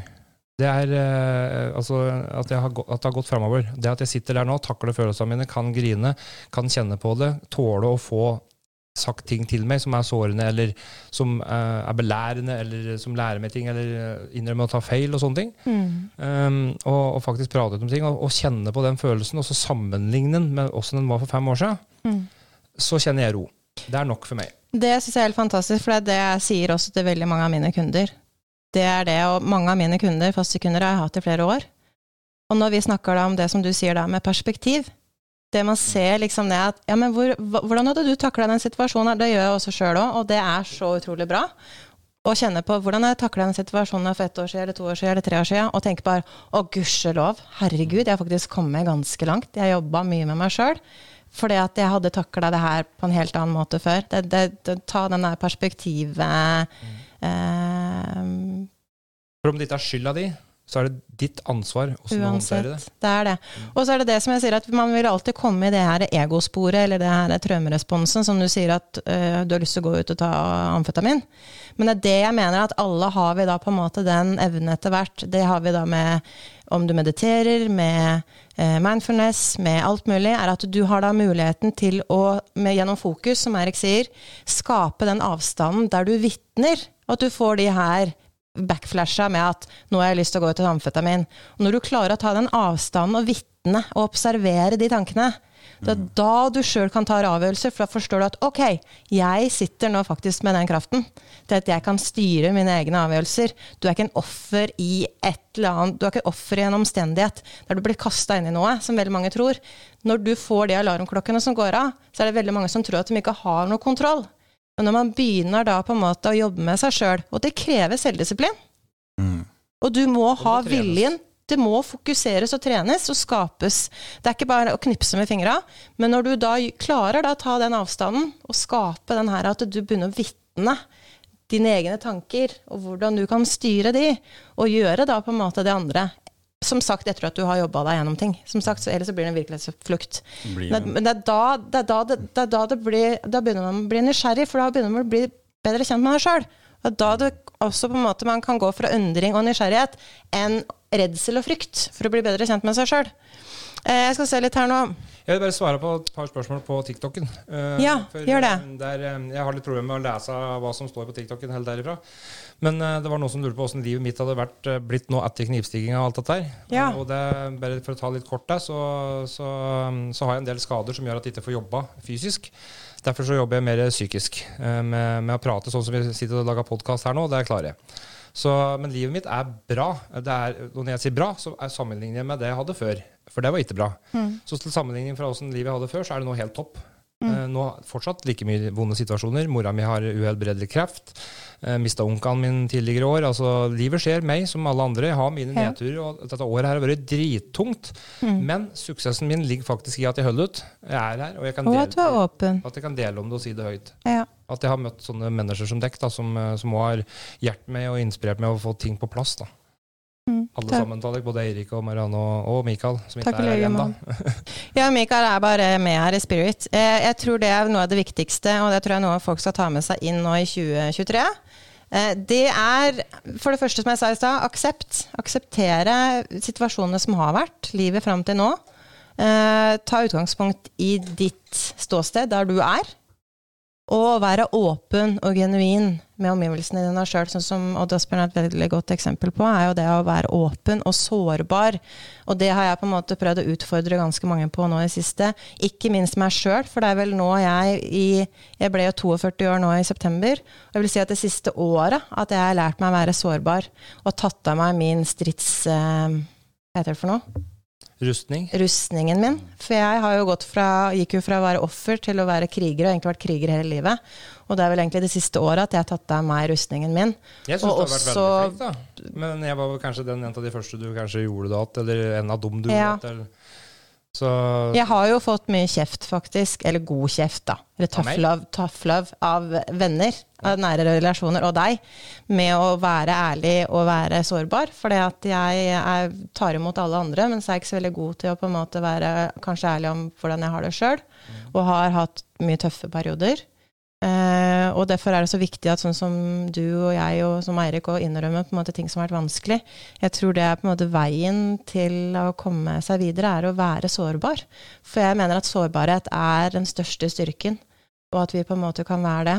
Og, og som du sier òg, ja, det er ikke så lett for meg å ta imot hjelp. Og jeg tror det er siste året nå jeg har virkelig lært meg til å si ja uten å få dårlig samvittighet, eller at jeg bruker opp andre sin tid, eller som jeg sier, har sånn imposter syndrome, at uh, hvorfor skal jeg på en måte nå Jeg er redd for å kanskje ta den plassen med at det skal være noe på en måte ting rundt meg på den måten der, da, og, og tørre å innrømme de tinga der. Så der har jo du vært til stor hjelp, og det syns jeg er det som er så veldig viktig, og at folk forstår at eh, Jeg har fått faktisk spørsmål i innboksen min, og det har Mikael fått òg. Ja, hva kan du vite om det, liksom? Du som på en måte reiser rundt i Porsche, Mikael, da. Reiser rundt i Porsche og med dress og tjener masse penger, og du har ikke peiling på hvordan livet egentlig er. Eller på en måte har fått noen lignende spørsmål før. Og da, jeg, da tar du så jævla feil. For det at eh, Mikael og, Odd Asbjørn og Eirik, og, i hvert fall jeg òg, har opplevd nok ting, så vi vet hva vi prater om. Um, sånne, men det er folk som sender meldinger, det er det. Og det er lett å gjemme seg bak en skjerm for veldig mange. Men det er jo en sjalusi, da, for mye, ikke sant. Um, det, du laga deg et bilde oppi huet ditt sjøl på, på ting. Uh, hadde jo to i podkasten her, Albert og, og Sterke-Tim som, uh, som, fortalte om opplevelser de har hatt i barndommen òg. Ja, og da, bare si det fort. Eh, Odd Asbjørn har jo en podkast, eh, Oddpod, på Spotify. Det kan vi legge ut her senere òg, på YouTube. Sånn at eh, der ligger det masse spennende episoder med andre fine folk som han skulle snakke om. Jeg ville bare komme med inn med det. Ja, takk. og det, det jeg vil si med Mikael òg, er at jeg har hatt veldig mange private samtaler med Mikael. Mikael, altså jeg ble litt sånn sjokkert, for eh, jeg tenkte at den, en TV-personlighet som han, han er sikkert veldig privat og vanskelig å komme inn på. Men Mikael føler jo veldig tydelig hvem han kan stole på forholdsvis tidlig, tror jeg. Mm. Så han kjente nok på en måte det samme som meg, da. At, eh, at eh, jeg er verdt, verdt tilliten, da. Ja. Uh, og det gikk begge veier. Sånn uh, sånn at det Mikael har fortalt meg, hvis jeg tror, tror, jeg har vært gjennom noe skitt, uh, så kan jeg fortelle deg at Mikael har ikke hatt noe lettere. Nei. Kanskje nesten verre psykisk ja. enn det jeg har hatt. Så, så, det er viktig å ikke dømme folk ut ifra liksom, mm. det ytre igjen, da. Skal vi se. Trine Mellum, hei. Trine er ei nydelig dame. Hun har skrevet en del til meg før òg. Eh, kloke ord, skriver hun. Har følt mye på aggresjon i gåseøynene blant folk før jul. Ikke direkte mot meg, men at mange har det inni seg, nettopp av de grunnene du nevner, Marianne Brodal. Ja. Eh, Heidi Anita skriver jeg er glad for mine utfordringer i livet. De har gjort meg til meg. Det er riktig. Eh, skal vi se Kine Lokøy Mobek skriver bestefaren min døde rett ved siden av meg når jeg var sju år gammel. Jeg er nå 32 år. Kan fortelle hva som skjedde. Jeg ble traumatisert av det. Det forstår man jo. Det er jo um, må jo være heftig. Nå ser jeg at Odd Asbjørn føler at han har snakka litt mye, så nå har han putta en bolle i munnen. Vi har jo et sånt norsk ordtak som heter at ta deg en bolle. Det jeg må ta to. Men ja, det er ting man opplever, spesielt også når man, fra man er liten. Det er ikke sikkert man husker alt heller, som kan skape ting. Jeg vet ikke om det er uh, riktig eller uh, ja, om det Du får stoppe meg hvis jeg sier noe feil. Men jeg, òg hadde den der følelsen til døden. Mm. Um, nå har jeg aldri sett som barn da, aldri opplevd at noen døde nær meg, men jeg fikk bare beskjed om at besteforeldrene mine, beste, begge bestefedrene mine mm. døde. Og da kjente jeg på en så stor sorg. Eh, og den der med å gå i kjerka og skal si ha det og sånn, det var så vondt. Mm. Jeg er litt sånn usikker på om det var så bra for meg, egentlig. Altså den der, eh, at, at eh, liksom, ja, å, å, oppleve det. Mm. En mulighet det var pga. den feilmedisineringa med at jeg ikke var helt påkobla og, og følte det normalt. Men så døde favoritt, si, favorittanta mi. Jeg har jo hatt flere tanter, og de har vært unike på sin måte, alle sammen. Men hun jeg hadde best kontakt med fra starten av, da. Hun døde òg av kreft. Søstera til mora mi mm. når jeg var 15-16 år eller noe sånt. Og da skyldte jeg på at jeg hadde vondt i ryggen, for jeg klarte ikke å gå. Jeg turte ikke å gå. Det var et så stort altså det, Så jeg kan kjenne meg igjen litt på det hun sier der. da. Jeg opplevde mm. ikke at jeg så noen døde, men um, den har jeg tatt med meg hele livet. Og, uh, og jeg har angra meg så for at jeg ikke dro i den begravelsen. Mm. Uh, og det har vært på grava hennes og, og prata med henne nå i senere tid og litt sånne ting. Og, og, men så døde onkelen min nå tidligere i år. Uh, og da var jeg så heldig å få lov til å sitte og holde den i nevene mens den gikk bort. Mm. Nå kjenner jeg det.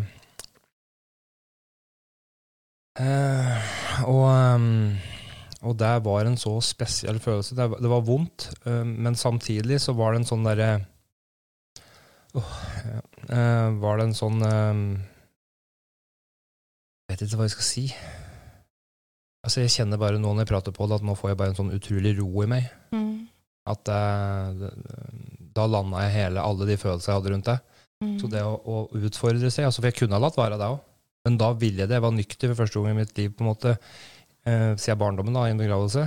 Og den indre roen og den der sikkerheten om at han gikk over dit, og at jeg var smertefritt. og alt det der. Den kjente ja, det, det, det, var, det, noe spesielt, var noe spesielt med det. sånn at Jeg vet ikke om det er skummelt å utfordre litt på at du skal ikke være redd for å oppsøke eh, situasjonen der følelsen slapp. da.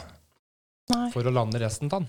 Det tror jeg er veldig, veldig at, viktig. Se at den overgangen. Og da um, hjelper det veldig for meg å ha Mikael. Mm. Eh, jeg sendte meldinger til han, uh, og det var egentlig bare nok å, å, fortelle at det hadde skjedd. Så kjente jeg med en gang at han uh, tenkte på meg. Da.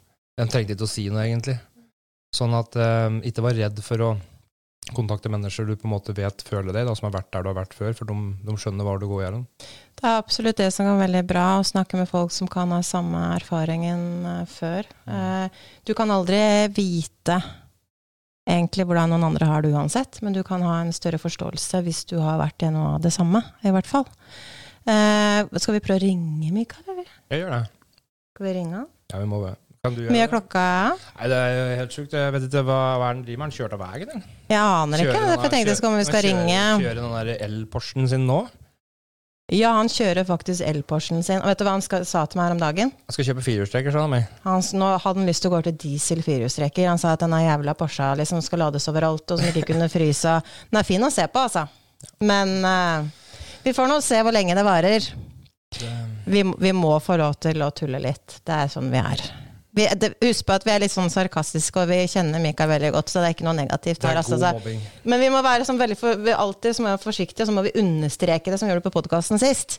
For det er alltid noen som Vi lever jo i eh, det å bli krenka, altså krenkingens øh, kre, år, nesten. 2022. Så vi må være forsiktige og understreke at det er bare kødd. Anita Grindal, du kjenner, du kjenner vel hun? Ja, hun tok resten da Ribba skrev i kommentarfeltet mitt. Mm. Anita Grindal. Hei, Anita. Det er en nydelig dame, også fra Brumunddal, som er kjæresten til eh, Odd Asbjørn. Hun skriver Hva heter den Netflix-serien? Eh, det kan vi skrive. Det er Graham Hancock. Han har en Netflix-serie som heter Ancient Apocalypse tror jeg den er. En helt ny Netflix-serie.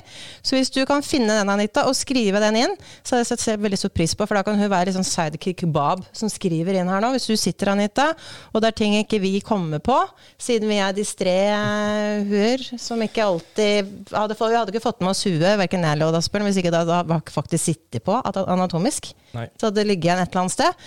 Eh, for det er flere som spør deg hva den serien heter. Men eh, Anita, hvis du kan da gå inn på Netflix og finne den med Graham Hancock, så hadde det vært helt supert. Line Lindstrøm. Nå avbrøt jeg deg litt. Grann, putt, en, putt en bolle. Jeg skal skrive, for nå er det sikkert et spørsmål som du kommer til å skrive, snakke om. Line Lindstrøm skriver dette passer jo begge to for sånne ADHD-hure som oss. Hvilke tanker har dere om det at mange barn får nevrologiske forstyrrelser, som ADHD og autismediagnoser. Er det miljøet som er årsak, eller er det en forutsbestemt som en livs, livsoppgave for disse barna.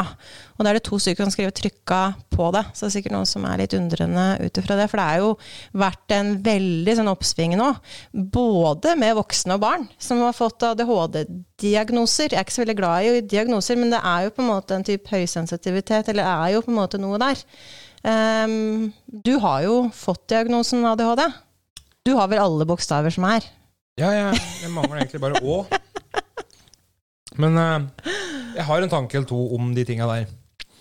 Uh, men det er vanskelig å på en måte si det sånn at alle blir fornøyd. For alle har sin opplevelse rundt det, har sin ja. tanke, sin erfaring, ikke minst. Og det er mm. veldig individuelt. Det er det. Og jeg vil tippe at uh, en god del er faktisk feildiagnosert òg. Det tror jeg òg. For jeg ble diagnosert med ADHD i voksen alder. Fant ro på amfetamin, sånn at da diagnoserte jeg meg sjøl òg med at jeg måtte ha ADHD. Så kommer jeg til en nevrolog i Oslo. For Mora og søstera mi sendte meg dit, for de trodde jeg hadde vært gæren. Altså, de trodde jeg var hjerneskada etter uh, komareisa. Uh, for jeg var såpass distré og prata og babla om alt mulig rart. Uh, og da var det jo det at jeg hadde sluttet å ruse meg. Jeg hadde ikke rusa meg på lenge. Um, hadde et overaktivt hue, fant de ut nedpå der. Jeg slo ikke ut på ADHD i det hele tatt. De hadde ikke diagnosert meg, sa de, med ADHD. Og det var jo en tre fulldagers undersøkelse med IQ-test og alt som var, og løse oppgaver og sånne ting. Um, mens den DPS-utredninga jeg hadde, der føler jeg var litt sånn DPS-utredninga fra Wish. Uh, det var, uh, ja, men det var noen der, Til sammenligning med den nevrologen i Oslo, så var det to vidt forskjellige ting. liksom. Mm. Det var bare å sitte og trykke på en data og svare på noen spørsmål. på den mm. andre ja. Her ble jeg møtt med en lege som virkelig gikk ordentlig inn under huden på meg ja. og utfordra meg på forskjellige ting, sånn at jeg var så sliten etter jeg var ferdig der. At, um, og det, det liksom gjort skikkelig? Ja, og han sa at um, nå, ut, nå, var det ikke ADHD vi sjekka det for, men ut fra min erfaring mm. så, så, finner jeg det merkelig. Altså Ja, kanskje en ADD, hvis du kan kalle det det, men så er det noen som mener at ADD Det er ingenting som heter ADHD. Det er egentlig bare ADD, er det ja. noen som sier. I ulike grader, ja. på en måte. Og at noen kan jo også gå over i den type autismespekteret som Asperger ja. og den biten der. Så det er, det er, jo veldig mange basseng her å svømme i, i men, den der. Men jeg fant noe som ga meg nok svar til at jeg fant roa meg uansett hva det var, da. Mm. Og, det er, og, det kan dere også skrive i kommentarfeltet, Anita, hvis du ser det. Men hvis dere ser på uh, YouTube, og dette kan dere skrive ned først som sist, doktor Amen. Altså A, som i Amen. Kjære mm. Gud, Amen. Altså doktor Amen og TED Talk. For eh, den uh, TED-talken han ga for ni år siden, mm. allerede da hadde han verdens største database med hjerneskanninger. For han sprøyter inn et radioaktivt stoff i deg som gjør at det lyser opp de feltene av hjernen din på en helt spesiell måte, og så skanner mm. hjernen din. Det han har jeg faktisk hørt om. Yes. Og han, og dette her skjønner jeg bare ikke hvorfor de ikke gjør i Norge. For mm. som han sa i den TED-talken, alle leger og behandlere titter på organet de skal behandle. Kirurger mm. titter på hjertet, på innvollene dine. De titter på organet. Psykologer gjetter. De ser faktisk ikke på organet, altså hjernen din, som de skal behandle. Nei, det er ganske spesielt. Ja. Men i USA, han doktor Ramen, han har gjort det i mange år, og han tar et bilde og da ser han om du har traumer fra barndommen, om det er fysiske eller psykiske skader, mm. om det faktisk er en svulst som kan gjøre at du oppfører deg rart, om det er eh, slag eller tidlig stad altså han kan, spå, han kan se om du får Alzheimer han, ti år før du merker det sjøl, med de skanningene der. Han ser om du, er, om du, har brukt rus, om du er rusavhengig. Da er det mm. sånne høl i de felta. Mm. Han ser om du har mye aktivitet foran eller bak, som da uh, sier om du har overaktivitet eller for lite aktivitet. Eh, sånn at, eh, altså, Hvorfor i all verden? Altså, jeg sjekka, for jeg tenkte jeg skulle dra til USA og gjøre dette her. Det koster 50 000 da, å gjøre det i USA. Mm. Men hvorfor i all verden er det ingen i Norge eller Europa ellers som jeg har funnet som faktisk ser på hjernen før de begynner å behandle den? For du kan ikke vite med gjette. Ja, du kan komme nærme, men diagnosene ligger jo så tett som A4-ark ved siden den. Du mm. har bipolar lidelse, du har PTSD, du har dysosial personlighetsforstyrrelse, du har Dette her er diagnoser jeg har alle av. Uh, men jeg er ikke diagnosen min. Nei. Sånn at det, men de ligger så tett innat den. Og det er sånn der, jeg driter om det er PTSD-en min, eh, PTSD min som gjør det ene eller det andre, enn om det er ADHD eller et mm. overaktivt hue. Så lenge jeg vet at det er sånn, så er det jeg alltid trenger å vite, og hva jeg skal kunne gjøre for å på en måte håndtere de følelsene som kommer med det. da. Ja, Det tror jeg er veldig viktig, og jeg tror det er veldig viktig du sier òg, for det er jo litt sånn i Norge at hvis du vil krangle deg til å få en diagnose, så får du en diagnose i Norge. Altså, du kan jo krangle deg til det med lang nok tid. Mm. Og det har jo vært sånn oh, altså, De sier jo det at det har jo ikke vært så mange som har blitt diagnosis, diagno, med ADHD nå. Voksne og unger. Så mange på hvor lenge, liksom. Det, det, men det er veldig viktig med han du snakka om, han doktor Amen. For jeg vet at han, det var en kjent person som hadde brukt han. For han her var tidligere rusmisbruker.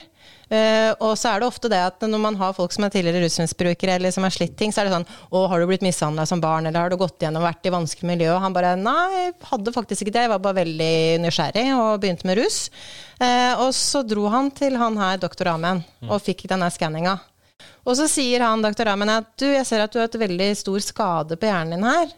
Få et senter som går på det her med konsekvenstenkning og ene med det andre. Mm. Eh, for han hadde fått eh, ADHD-diagnose og andre ting som voksen. da. Og han forsto ikke så mye av det. Og så tok de med mora inn eh, og spurte mora, da. Mm. Så sier jeg jo, det stemmer det, du falt faktisk ned trappa, du. Mm. Som betongtrapp når du var sånn seks-sju år. Og du fikk, men på den tida der på 70-tallet så dro vi ikke til legen.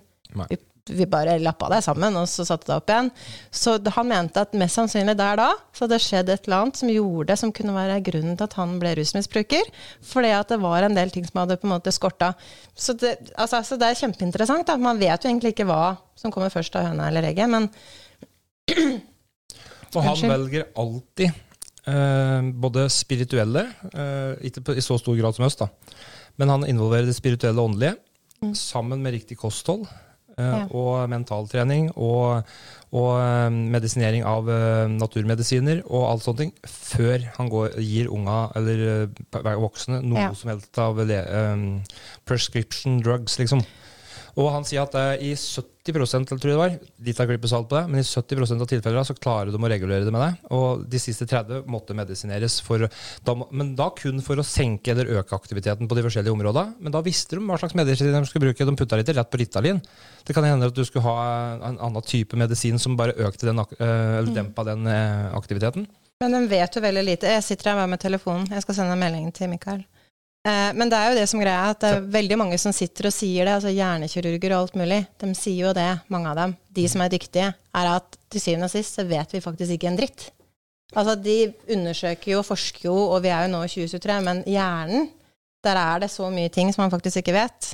Men jeg skal sende noen spørsmål her. så skal jeg sende, skal vi se her, Jeg skal rulle litt nedover nå, for nå er vi jo kommet litt inn her. Skal vi se det er, det, er, det er, veldig mange skjebner. Skal vi se.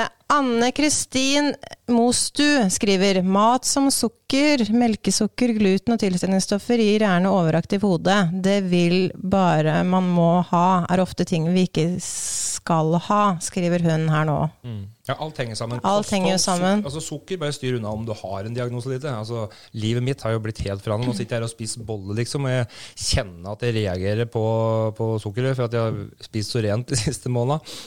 Så Skal jeg skrive til Mikael Hvor i helvete er du? Hva er dette her? Som synsk burde du ha sett Han skriver at han får ikke adresselinken, så kan ikke du ta oss og Ja, men skriv uh, Østgårdsveien 4. Jeg har jo sendt linken til både på Messenger og på, i gruppa vår. Og han har jo vært der før i tillegg, da, så han vet hvor det er. Det hjelper ikke med oss. Men har Vi har vært, har vært der før. Nei, men, Kom, da, skriver jeg. Vi venter på deg. Østgårdsveien 4, da. For jeg har jo sett Venter på deg. Det som er greia nå, er at han skal jo Nå driver vi og krysser hverandre, vet du, for jeg kjører ned hit fra Ålesund. Og han kjører oppover, for han har jo fått seg dame, vet du, som bor ti minutter unna meg eh, utafor Ålesund. Så vi krysser jo hverandre liksom som gjerne på Dombås, for jeg kjører ned, gjerne ned hit, for jeg er jo en del i Sverige, for jeg er jo kjæreste i Sverige. Mm. Og Mikael har jo kjæreste i Ålesund, så vi krysser liksom hverandre sånn på Dombås, tar en kaffe der, så kjører vi videre, da. Men uh, Skrev du adressa til nå? Jeg skrev i adressa, jeg spurte han. Uh, så vi tar Lisbeth Smebakk skriver dette var utrolig interessant. Vet du det var koselig, Lisbeth, at uh, det er fortsatt seertall oppe, at vi er litt interessante. Ja, det er hyggelig. Du venter jo fortsatt på Mikael sikkert òg. Sånn det, det, er nok en del som venter på. Og, og, vet du hva? Altså, for å si det sånn Vi er ikke jeg, så gærne pauseinnslag, eller jeg gir, meg, si. altså, jeg gir meg ikke før, uh, før, de som ser på, er fornøyde.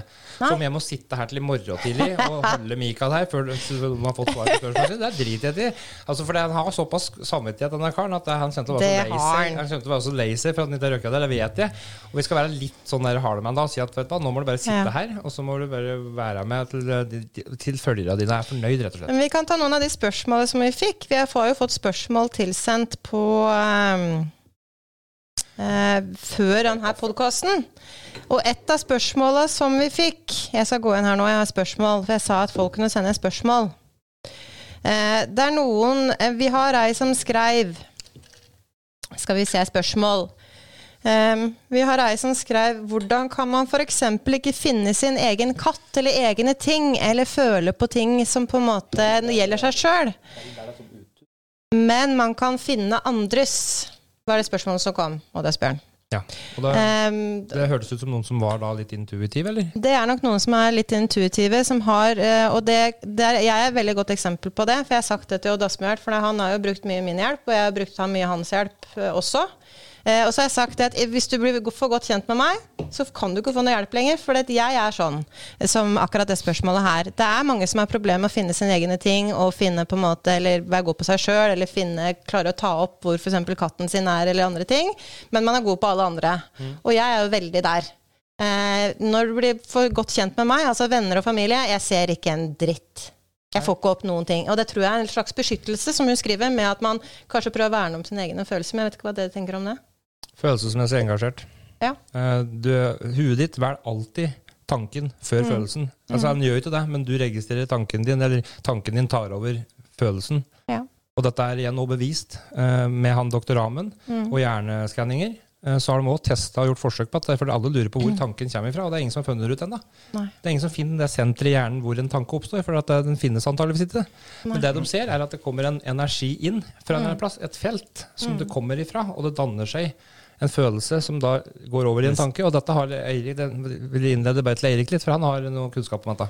Ja, ikke mye, men uh, som jeg har valgt som mentor, som jeg har hørt på, har snakket om det, the mind. Og det blir jo mye som det feltet som er rundt oss, da, auraen, om du vil kalle det det. Men vi har jo noe um, som er utapå. Og så har du den fysiske hjernen, eh, og så eh, sendes det, er det hjernen da, som sender tanken videre som et signal. Så du må jo tenke at vi har flere Vi er sammensatt av flere um, ting, da. Eller mm. ja, fysiske og ikke-fysiske. Um, mind, det, body det. and spirit? Ja, altså det, the mental mind som ikke er fysisk, som det er energetisk eh, rundt oss. Og så har vi da den fysiske hjernen inni. Eh, som da, så det siste er der tanken genereres og sendes inn til hjernen, som så igjen sender det ut. Som igjen skaper emosjoner og reaksjoner og ja, ja. Akkurat hvordan alt sammen mm. henger sammen, er jeg ikke sikker på. Mm. Det kan jo beskrives som bevisstheten din. Altså, ja. for Bevisstheten er jo konstant, da, på en måte, hvis du skal velge å beskrive det på den måten. At det er mm. det du på en måte ikke ser. Men hvis du hadde fjerna alt fysiske med deg, at du kun hadde vært igjen bevisstheten din Si at du har synet. Altså du ser det du ser, mm. men, men fysisk kroppen har vært helt borte. Eh, det er den tilstanden jeg tror vi på en måte kommer ifra, eller går over til. da. Sjela, så, det, men det har vi forska på. for hvis man har et mikroskop på, eh, Hvis man har hatt et mikroskop på dere nå, hva er det man hadde sett da, først og fremst? At uh, de hadde vibrert i 186 000 km i timen. Ja, ikke sant? Sånt, det første du hadde sett hvis du hadde tatt et mikroskop, er jo celler. Og hvis mm. man går dypere i en mikroskop, så ser man jo atomer. Og hvis man går dypere og dypere, dypere til slutt, så er det som du sier, det er kun energi. Det er kun eh, funnet, vibrasjon. De har funnet enda et hakk tilbake igjen. Mm. Jeg husker ikke hva de kalte det. Magman eller kagman eller Det er et ord som, som er enda mindre enn atomat nå, som de har funnet. Ja. Før energifeltet, på en måte. Så det er jo det, mm. Alt er jo egentlig Det er jo helt sykt, hele greia, egentlig. Altså, det, er, det er jo jævla enkelt. Det er så jævla enkelt. Alt er energi. Det er, altså, det er jo energi. Det er uh, vibrasjoner. Uh, som har forskjellig type frekvens, da, så vi har antall svingninger per sekund. Eh, det, men det er, veldig, det er veldig spennende. Egentlig så har vi jo ikke peiling på en dritt, men vi men, sitter jo her i hvert fall og har en følelse av noe. jeg synes jo det, det som har uh, okkupert meg mest, er jo interessen av at uh, f.eks. alt energi som vibrerer i en frekvens, mm. og det at vi lever i en magisk verden. Mm. Uh, og det er det som har oppslukt meg mest, med å kunne forstå det. at, å ja, så jeg er ikke den karakteren jeg er. Det er jo ikke meg. Eirik er jo et navn som da har en definert karakter. Og da at ok, hvis jeg klarer å omprogrammere meg, bare for å bruke det ordet, mm. eh, og da klarer å bruke hjernen min som en broadcaster og receiver, utsender og mottaker, da, eh, så kan jeg faktisk tiltrekke meg omstendigheter, situasjoner eh, som jeg selv ønsker. Jeg vet ikke nødvendigvis hva det er, og jeg vet jo heller ikke nødvendigvis hva som er best for meg. Men jeg veit at jeg har lyst til å oppleve en viss følelse. Hva som vil gi meg den følelsen, det vet jeg jo ikke hva er. Så den undringen rundt det da, er jo veldig sånn eh, spennende, mm. hele den reisen. Og det er derfor jeg ikke har lyst til å gå inn i detaljer på hvordan livsstilen min skal være. For jeg vet jo ikke hva som er best for meg. Jeg har jo ikke opplevd alt som kan oppleves rundt det. da. Åssen er det, det å stole på det? For at det, du, du, møter en del motstand og en del ting som går til helvete da, på den reisa der, som gjør at vet du, dette her gidder ikke ja, ja, for at jeg har ikke trua på det. Du vet jo at det har skjedd litt. Ja, jeg vet det. Det er derfor jeg spør. Så, så hva gjør du da? Altså, er det der mentaltrening ja, ja. Eh, kan holde deg på rett spor? Men det er liksom det, hvis det er noe såkalt negativt som skjer, da, så er det nødvendigvis ikke negativt i det hele tatt. Fordi det er det som trengs for mm. at du skal lære deg Eh, disse ferdighetene som du da klarer å bruke til en senere situasjon. Så universet, mm. såkalt, for å kalle det det, sender deg ting som du lærer av, som du da er mer forberedt til seinere. Og hvis du da er sånn 'Å, dette er katastrofe. Jeg kan bli eh, Altså, det holdt på å skje med meg, da, med at jeg kommer masse gjeld. Men det er sånn 'Å, det var skikkelig tungt. Da var jeg kvalm i to dager.' Mm. Og jeg sto foran speilet, og jeg liksom gjorde liksom alt jeg kunne for å switche om de følelsene. Og til slutt så klarte jeg det og mm. switche om følelsene og bare gå rundt og føle meg bra Finne så mye løsninger. som mulig. Ja, og mm. igjen perspektiv, som vi snakker mm. om, og fokusere på det. For en situasjon er ikke negativ. Det er ikke noe som er negativt. Nei, det er, Finnes det egentlig positivt og negativt? Er det bare én Det er jo, altså sånn som jeg ser det, at jeg kommer jo fra en sjamanistisk bakgrunn. Øh, og jeg liker heller å bruke ord som tung og lett. Mm. Og hvor man er en på en måte frekvens. Er man tung, eller er man lett? De har jo funnet ut nå at det negativ energi er tyngre, faktisk. Mm. Og positiv energi er lettere òg. Men det er jo som du sier, jeg syns det er så bra det du sier, for det er jo ofte sånn, og det er ikke så veldig komfortabelt, men av og til så må man skape bevegelse i energien. Og hvis man står fast, mm. så må universet, eller hva du vil kalle det, eller deg sjøl, må skape en bevegelse. Og det er da veksten gjerne kommer. Og det ser man jo gjerne med dyr hele tiden. Man ser jo det med sommerfuglen, ikke sant, som går fra larve til en kokun, og går da fra den der eh, puppa og blir sommerfugl. Det er sikkert ikke så veldig behagelig når slangen skifter skinnet, skinnet sitt. Så er ikke det noe behagelig og komfortabelt, det heller. Og når vi går gjennom sånne store livsendringer òg, så er ikke det noe komfortabelt. Men det er en nødvendighet, det er noe som må skje for at vi skal kunne klare å komme oss videre og skape en bevegelse i livet vårt. En stressfaktor som uansett ja. oppstår. Det er jo stress å sitte her og prate også. Ja. Det er en form for stress som går inn. Mm. Og derfor å takle mer stress, f.eks. med fysisk trening eller kalddusj eller et eller annet, så vil du ha kontrollerte stressfaktorer hvor du kan trene deg opp til å takle mer hverdagen generelt. Ja, og det synes jeg er veldig bra, for det har de hatt en del undersøkelser på nå, forskningsgreier på Harvard i forhold til det med stress, at vi har en sånn veldig sånn negativt holdning til det med stress. Mm. Men det er veldig mye stress som vi trenger, som er bra. Ja. Som du sier, veldig mye som er der. Og så går det jo også på det med mindset, hvordan vi på en måte ser på ting. Og det hadde de også en sånn veldig sånn kul forskningsgreie på eh, fra Harvard, der de gikk inn eh, hos, på et hotell i, i USA. Og så gikk de og snakka med folk som jobba, det var jo damer, mest damer, da, i alderen alt fra 30 til 60 år, som jobba som housekeepers, vet du. Som skifta på senger og gikk jo mange kilometer hver dag. Og tok opp det her med hvordan de så på, på, måte, på livet sitt, og spurte f.eks. sånn Ja, hva gjør du, trener du, f.eks.? og det sier de nei, vi trener ikke. Og så sitter jo de her med tallet at ok, de går jo 10 000 steg hver eneste dag pga. jobben sin, men dem hadde ikke mindsetet på at de trente. Mm. Så tok de undersøkelse på Mindset og sa det at ja, men vet du det at du gjennomsnittet går så og så mange steg? Og for andre personer så er det trening. Og når de endra mindsetet til de som jobba på den der, så kom de tilbake tre måneder etterpå, da de hadde endra mindsetet. Da var det faktisk folk som hadde gått ned i vekt, og de hadde på en måte skapt en endring. Og de hadde ikke meldt seg inn i gymmen som var nede på hjørnet de hadde endra mindsettet på hvordan de så på ting. For de så ikke på det som det det var. Så det er litt som minne på det. Det har så mye å si. Ja, men Det er veldig interessant akkurat det der med De har gjort eh, sånne undersøkelser på en skihopper, da, f.eks. Som sitter med sånn hjerneskann og um, ser med sånn skanner på muskler. Da. Mm. Og hvis han visualiserer og ser for seg at han hopper, så reagerer muskelfibrene. Ja. Så måten vi tenker, eh, sender jo signaler ut i hele kroppen hele tiden. Mm. Og da er det sikkert det at når de da tenker på at de trener, så sier kroppen at nå trener vi. Ja. Og ut ifra trening så får du mer fordeler. Og ja. det blir vel form for placebo, da? Eller? Ja, det kan man se. Hva er placebo og ikke? Men uansett så er det, det der er kjempespennende, faktisk. Mm. Eh, nå tror jeg jeg fikk melding igjen av uh, her Wenger. Skal vi se hva han skriver.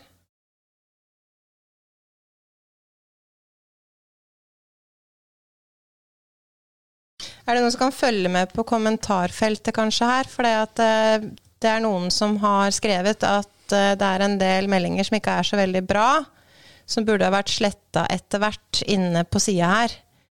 Så um, så om noen kan følge litt med her på Så vi må følge litt med her, sånn at vi kan slette ting etter hvert. Um, Mikael sliter med veien og vet ikke om han rekker å komme, så den podkasten må bli med oss nå pga. vær og vind. Så det beklager jeg så mye. Ehm, så vi må få ta en podkast senere, eller vi får lage en sending også senere der Mikael er med. Han får ikke vært med nå. Men han har fått en telefon, Mikael har fått telefon på veien at det er en del folk som skriver kommentarer som uh, ikke er så veldig bra. Uh, så hvis du syns det er gøy, så syns jeg det er veldig pussig. Jeg kommer til å måtte Det kommer veldig mye kommentarer her, for jeg er nesten oppe i 300 seere. Så um, Så ja. Men det kan vi se på etterpå. Men beklager da. Eh, Pga. føret så har kommet Mikael eh, rekker ikke å komme seg noe tidspunkt. Det har vært kø og trafikk og veldig mye styr. Så det, han sendte melding nå at han beklager at ikke han kan komme. Og så får vi på en måte slette litt ting og tang etter hvert her nå. Eh, og så får vi bare fortsette eh, så godt vi kan. Håper at eh, dere syns det er koselig å henge med fra hans side for det. Og så beklager vi. Det har vært Jeg vet ikke om folk forstår det, men det var på Jeg så mamma ser jo så klart på TV 2-nyhetene, og det var helt forferdelig føre. Det var det nå når jeg skulle hit, så han rekker dessverre ikke det. Og ja. Det er litt rart, dette der. Men kan vi ikke stille et spørsmål, da? Eh, ønsker dere at vi skal fortsette å sende live nå eh, litt til allikevel? Ja, vil dere Gå gjennom alle spør, Så kan vi ta litt tid på at du blar igjennom, for du, for du får tatt opp alle kommentarer i stedet for bare det mest eh... Ja, jeg kommer til å gå inn og slette, og det som er veldig, skal være veldig klar over Hvis det er noen som har skrevet noe på sida til Mikael her nå som ikke jeg godtar, så blokkerer jeg den personen. Altså det er så, så, enkel er jeg blitt. At hvis noen skriver noe som ikke er innafor, så blokkerer jeg deg og tar deg ikke fra sida. For hva faen har du her inne å gjøre da? Men uansett Jeg sier bare tusen takk til dem som faktisk viser seg. Sånn ja, de, er, takk for at dere som er her. Og hvis dere vil nå fortsette at vi svarer på spørsmål, eh, selv om ikke Mikael nå har mulighet til å komme, så skriv gjerne det under. For det syns vi er eh, kan vi ringe og sette ham på høyttaler? Får han ikke prata så mye, kanskje? Nei, jeg tror han skal holde seg på veien nå. Um, vi fikk jo også så, um, så, vi fortsetter litt til. Ja, folk syns det er veldig spennende å høre på, så da fortsetter vi litt til. Uh, og seertallet er fortsatt på det samme. Og hvis noen blir veldig nå skuffa, så får vi bare beklage. Men pga. sånn som det er nå, så får da Mikael dessverre ikke vært med. Vi beklager det så mye. Han er kjempelei seg for det. Uh, men han må på en måte bare da fortsette videre. Altså Jeg har lyst til også, uansett uh, på, altså Ikke bare pga. det, da, men uh, for de som ser på nå, så har jeg lyst til å trekke ut ja. noen som uh, kan komme og så Hvis de har lyst til å møte meg, da, eller ja. prate med meg, ja. så kan de få Om det er på telefon eller personlig møte, så kan de få en time med meg og prate med meg hvis de ønsker det. Jeg også vil gjøre det samme. Jeg syns det er veldig fint. Jeg tar Hva er det du sier? Give it forward, eller hva heter det for noe? Eh, jeg, jeg, sier også det samme her nå. Blant alle dere som ser på, og dere som skriver i kommentarfeltet, så kommer både Odd Asbjørn og jeg til å trekke ut en person som får si 30 minutters gratis samtale.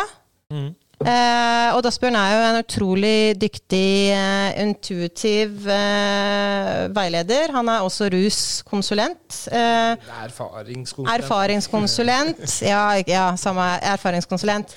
Er veldig dyktig. Så vi kommer til å trekke ut en person etterpå av dere som ser på, som er med i kommentarfeltet, som får da 30 minutters samtale med Odd Asbjørn. Og jeg også trekker en som får 30 minutters eh, samtale med meg. Eh, jeg jobber jo som coach, både vanlig Hva jeg pleier å kalle det for sånn rasjonell coach. For jeg har jo folk som har Life coach? er life coach, eh, der vi bare går inn på å bruke verktøy. Jeg har jo par, og jeg har jo hatt familier og vært inne i business eh, situasjoner med folk. Eh, og jeg er også intuitiv veileder, eh, som gjør at jeg på en måte går mer i en holistisk eh, posisjon, og mer med helheten. Og jeg tar da og det kan dere da velge helt hva dere ønsker. 30 minutter med meg, så vi trekker da på en måte det også etterpå. Så da fortsetter vi bare samtalen her nå. Jeg kan, også, um, ja. kan også, dele ut 30 minutter, hvis noen føler at jeg kunne fått noe hjelp av meg. Helt fantastisk. Ja. Nå er det skikkelig sånn eh, Det er julaften. Ja, for Eirik er jo personlig trener. Eh, fysisk personlig trener og, eh, og mental coach. Ja. Har jo diverse utdannelser og diplomer faktisk på det òg. Ja, det henger noen poeng der. Ja. Men uh, jeg har jo ikke noe direkte utdannelse på coaching. det jeg har Altså, jeg har jo nå Det er vel ni år så jeg har holdt på med å utvikle meg selv. Og det ligger vel ganske mange tusen timer med arbeid selv hvor jeg har utvikla meg og satt opp et coachingprogram. Mm. Uh, og um, ja, det, det, er det å ville ha mer i livet sitt, kunne bli den mm. beste versjonen av seg selv. Det å kunne forstå at du er dine egenskaper og din virkelighet. Eh, for vi er det. Mm. Vi skaper alltid, hele tiden. Og jeg tror lykken med livet er å ha en framgang. Føle at eh, man beveger seg fremover. Fordi hvis du ser i naturen, alt beveger seg og utvikler seg til det dør. Mm. Og jeg tror også vi mennesker er på den samme måten. Eh, så ja, jeg hjelper deg med å um, danne deg ditt mindset og danne deg din ønskede fremtid. Din, uh, finne ut av hva er, hva er drømmen din, hvordan er det du ser for deg at du skal leve livet ditt, og så utvikle den karakteren som er i stand til å oppnå det du har lyst til å ha. Helt supert. Så da trekker vi faktisk her. Da trekker vi 30 minutter med Eirik, 30 minutter med Asbjørn og 30 minutter med meg. Mm. Så da er det tre personer her som kan få masse eh, god veiledning. Og, og, tips og råd og verktøy. For meg så er det viktigste er at folk skal på en måte hjelpe seg sjøl. At jeg kan på en mm. måte være den som, hvis du har en, si, eh, en eh, GPS inni deg som går mot vest, og jeg ser at dette er på en måte kanskje ikke det beste, så kan jeg på en måte hjelpe deg sånn at GPS-en din går mer, mer, mot nord, som kan være mer kunstig for deg. Men jeg vil at du skal på en måte finne det i deg sjøl. Mm. Jeg vil at du skal hjelpe deg sjøl. Jeg, jeg, sitter ikke her og sier at jeg har heala deg, og jeg har gjort denne jobben, så jeg er grunnen til at du har det bedre. Jeg vil på en måte være den som på en måte kanskje kan hjelpe deg til å åpne opp øya og gi deg verktøy og hjelpe deg, sånn at du kan hjelpe deg sjøl. Så kan jeg heller stå på sidelinja og heie. Mm. Det er det viktigste for meg. Ja, for vi redder ingen. Nei, det er det absolutt ja. viktigste. Den jobben må du gjøre sjøl. Ja, jobben må du gjøre. Og jeg pleier å sammenligne altså det som er med healing og med klarsynthet. Jeg syns at det jorda er så oppbrukt. Og det er veldig mange som tror at det med å jobbe som en healer, da, er det å, å fikse noen. Mm. Men en gang man sier det at man skal fikse noen, så skal det på en måte være noe som er gærent. Og for meg så vil ikke jeg se på at, er, at det er noe gærent med deg. Det er snakk om at det kan være ting som er ubalanse, eller ting som måte du trenger å jobbe med. Og det er noen som da tror at å, du må heale meg, så skal jeg på en måte bli frisk med en gang. Og det finnes jo spontane healinger, men det handler jo om hvis den personen er klar. Men jeg pleier å sammenligne litt med hvis du f.eks. stikker og tar en tarmskyll så kan du stikke og ta en tarmskyll, og så er jo tarmen din ren og pen. Men du kan også stikke da på polet og kjøpe deg sprit og stikke og kjøpe masse godteri og sjokolade og sette det med å drikke og spise, og så tror du at å, nå er tarmen min fortsatt på en måte fin og, og, og ren. Samme er det med healing. Hvis du vil gå tilbake til gamle trosmønster og gå tilbake til gamle mønster, så kan du selvfølgelig gjøre det etter en healing. Så det handler om at her starter arbeidet. Hvis du får på en måte hjelp og verktøy. Det starter arbeidet ditt. Og den største healingen, det er faktisk å faktisk se hva er det disse kjeppene som, stikker, som du stikker i hjula dine, hva er de for noe? Og så begynner du å ta dem ut og se på hva er det de symboliserer, hva er det for noe, og hva, måte, hva har det her skapt i mitt liv, og hva velger jeg å gjøre nå? Det er jo den største healingen, å faktisk se hva hvor du står hen, og hva som har på en måte stoppa opp. Og Betyr det ikke healing og heale betyr det hel? Det betyr hel, betyr å finne på en måte en type helhet i deg selv. Men det viktigste i helheten er å ta ansvar og finne ut av hva, hvordan vil du skape veien videre. Og mye av det jeg opplever der, er da blokkeringer. Gjerne fra barndommen eller traumer eller uh, ja. ting, sånne ting som, uh, som, jeg føler på. Og det handler mye da om igjen, som vi prata innledningsvis, det å kunne tilgi. Og ja. akseptere at det er sånn.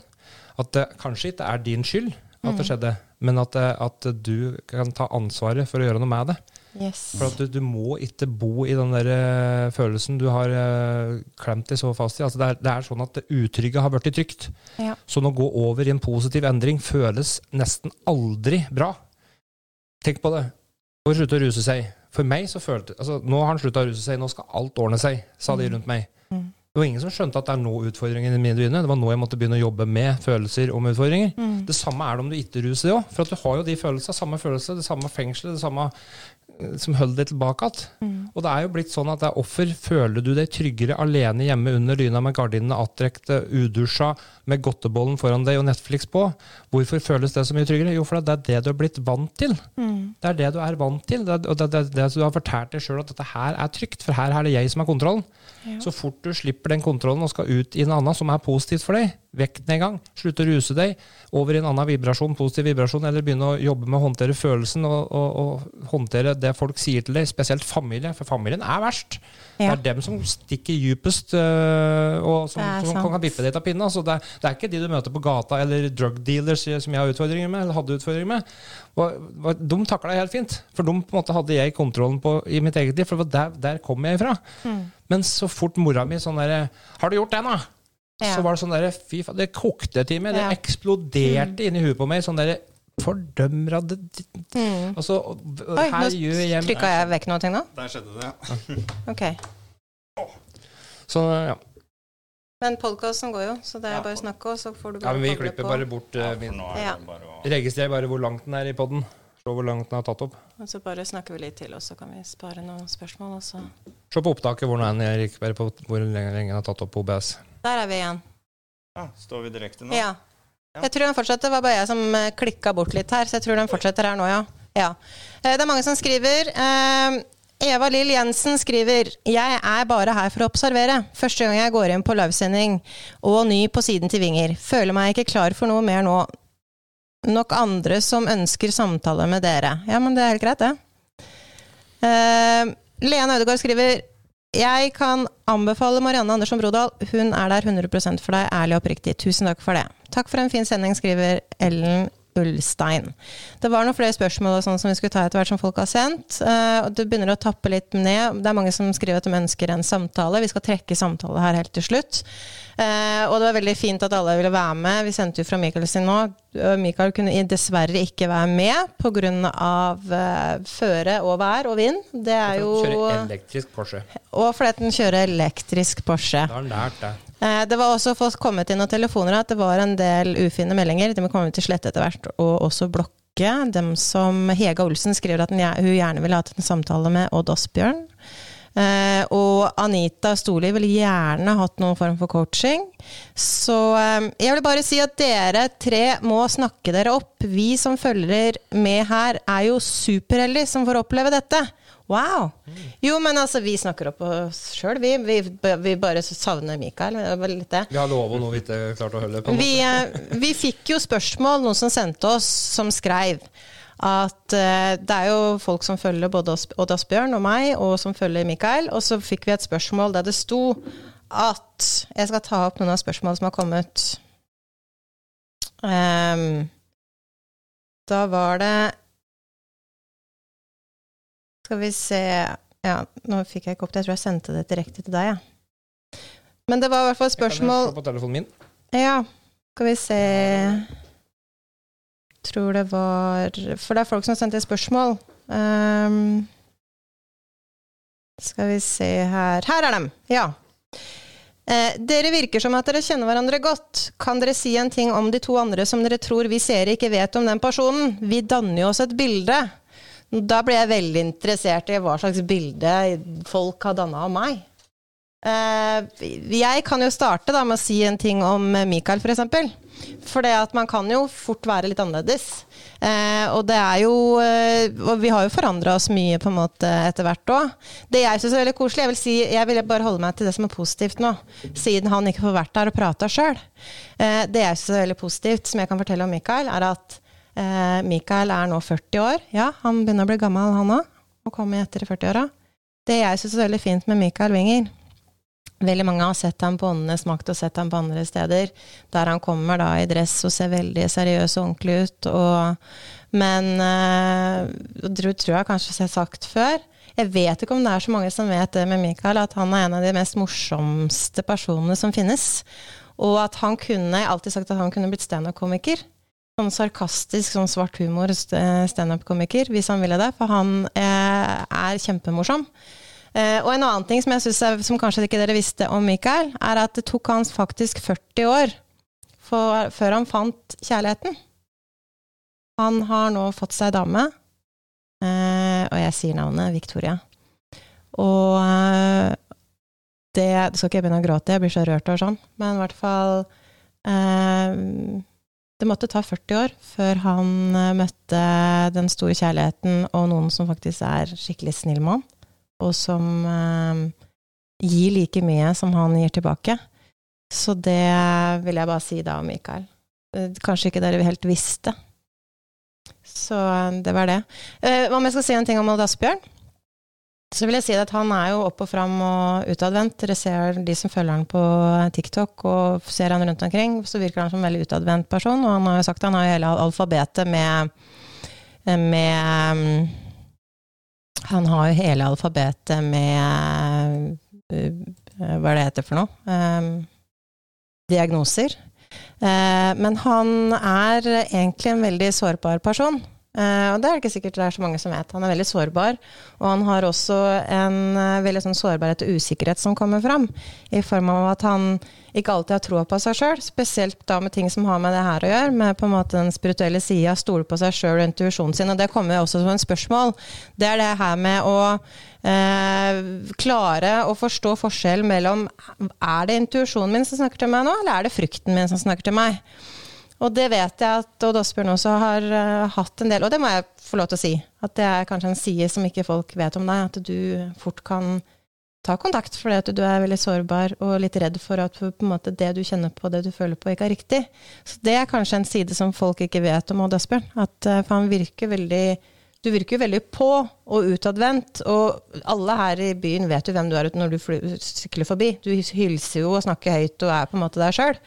Men eh, det er kanskje en ting som jeg ikke vet helt hva eh, At andre kanskje ikke vet om. At du er egentlig en ganske så sårbar liten gutt innimellom. Som usikker. usikker som, eh, som, kanskje trenger litt bekreftelse i denne type nye eventyret du har starta i deg sjøl. Så jeg håper det er greit at jeg sa det, ja, som en ting som kanskje ikke folk visste om. Helt klart. Ja. Altså, jeg, jeg, jeg, er jo helt enig med deg. Og, um, og um, det har nok noe med å gjøre at fra jeg slutta å ruse meg så bestemte jeg meg for at jeg skal leve et 100% ærlig liv eh, mm. med meg sjøl og med andre. Uh, og det var vanskeligere enn jeg trodde. For det er så fort gjort å ta en liten hvit en for andre. Ta en liten hvit en for deg sjøl. Justere litt på sannheten for å beskytte noen eller beskytte deg sjøl, eller et eller annet sånt. Uh, sånn at det er vel en av de tinga jeg jobba mest med, den ærlighetsbiten. Og derfor har det vært, blitt så viktig for meg. da. Eh, så jeg er nok, den frykten jeg har hatt en del av, jeg, jeg har nok ikke så mye nå etter at jeg fikk hjelp fra dekk. For dekk har jo vært med å bekrefte de tinga eh, som har gjort meg sikrere. Mm. Og det er jo min coaching. Altså Jeg er jo i en stadig utvikling òg. Sjøl om jeg har mm. vært gjennom de tinga jeg har vært og lært det jeg har lært om meg sjøl, så må vi aldri glemme at eh, lykke for meg er å ha framdrift og lære nye ting. Det er ikke nødvendigvis å nå måla mine. Eh, jeg kaster ti baller opp i lufta, og hvis jeg får landa ett av dem, så har jeg framdrift. Da er det ikke ni stykker som, som, jeg ikke har nådd. Da er det ni stykker jeg valgte å gå en annen vei i forhold til. Eh, sånn at det er en sånn aksjekurs, eh, mm. sånn der aksjekurve, hvor det stiger og går ned og stiger opp, men, men overall så går det oppover og framover. Mm. Så men, men, det med å være sårbar der, det har nok meg Det er ikke at jeg er så usikker, men jeg er redd for å si noe feil eh, i forhold til hva jeg får opp. Mm. Men jeg syns det er utrolig fint da, at du viser den sårbarheten. Og det tror, jeg, det tror, jeg, faktisk er en ting som kanskje ikke alle andre kanskje ser. Og jeg tar jo feil, uh, men jeg er ikke redd for å ta feil. Det er vel min styrke. Ja. Uh, jeg vil gjerne dele som jeg har fått lov til å dele. Ei, uh, mulig at det er i kommentarfeltet på Facebook. Hvis jeg er det, så har jeg fått lov til å nevne navnet hennes. Hun heter Anne Lene Hermansen. Mm. Hun la ut et innlegg på Facebook i går hvor hun var i meget dårlig form, vurderte å ringe legevakta. hun var skikkelig bedriten form. Uh, og sånn jeg fungerer, da, med, med, ting jeg får opp, så var det nok å bare se det innlegget, så kjente jeg den kjente følelsen inni meg hvor ok, hun kan jeg hjelpe? Mm. Eh, og så var spørsmålet vil jeg hjelpe? Vil jeg ta det valget og hjelpe? Mm. Uh, og, og, så kjente jeg litt på det. for du må som sagt være mottagelig for hjelpa. Jeg, jeg kan ikke bare tilby hjelpa mi og si at jeg skal hjelpe deg å bli i bedre form. du må, som du sier, da, være litt forsiktig med hva du på en måte velger å, å uttrykke deg på. Men eh, jeg fikk så klart opp at eh, hun der var mottagelig eh, for hjelp, og hun ville ha hjelp. Så jeg sendte melding, og vi hadde hatt litt kontakt før med, med en annen ting, men det var noe, noen andre greier. Så jeg fant henne på Messenger nå. Um, men jeg huska jo ikke deg da. Så når jeg åpna Messenger på navnet hennes, så bare poppa det. Å ja, stemmer, jeg har skrevet litt med hun der før. Uh, hvor hun da bare skrev til meg at jeg hadde møtt Mikael.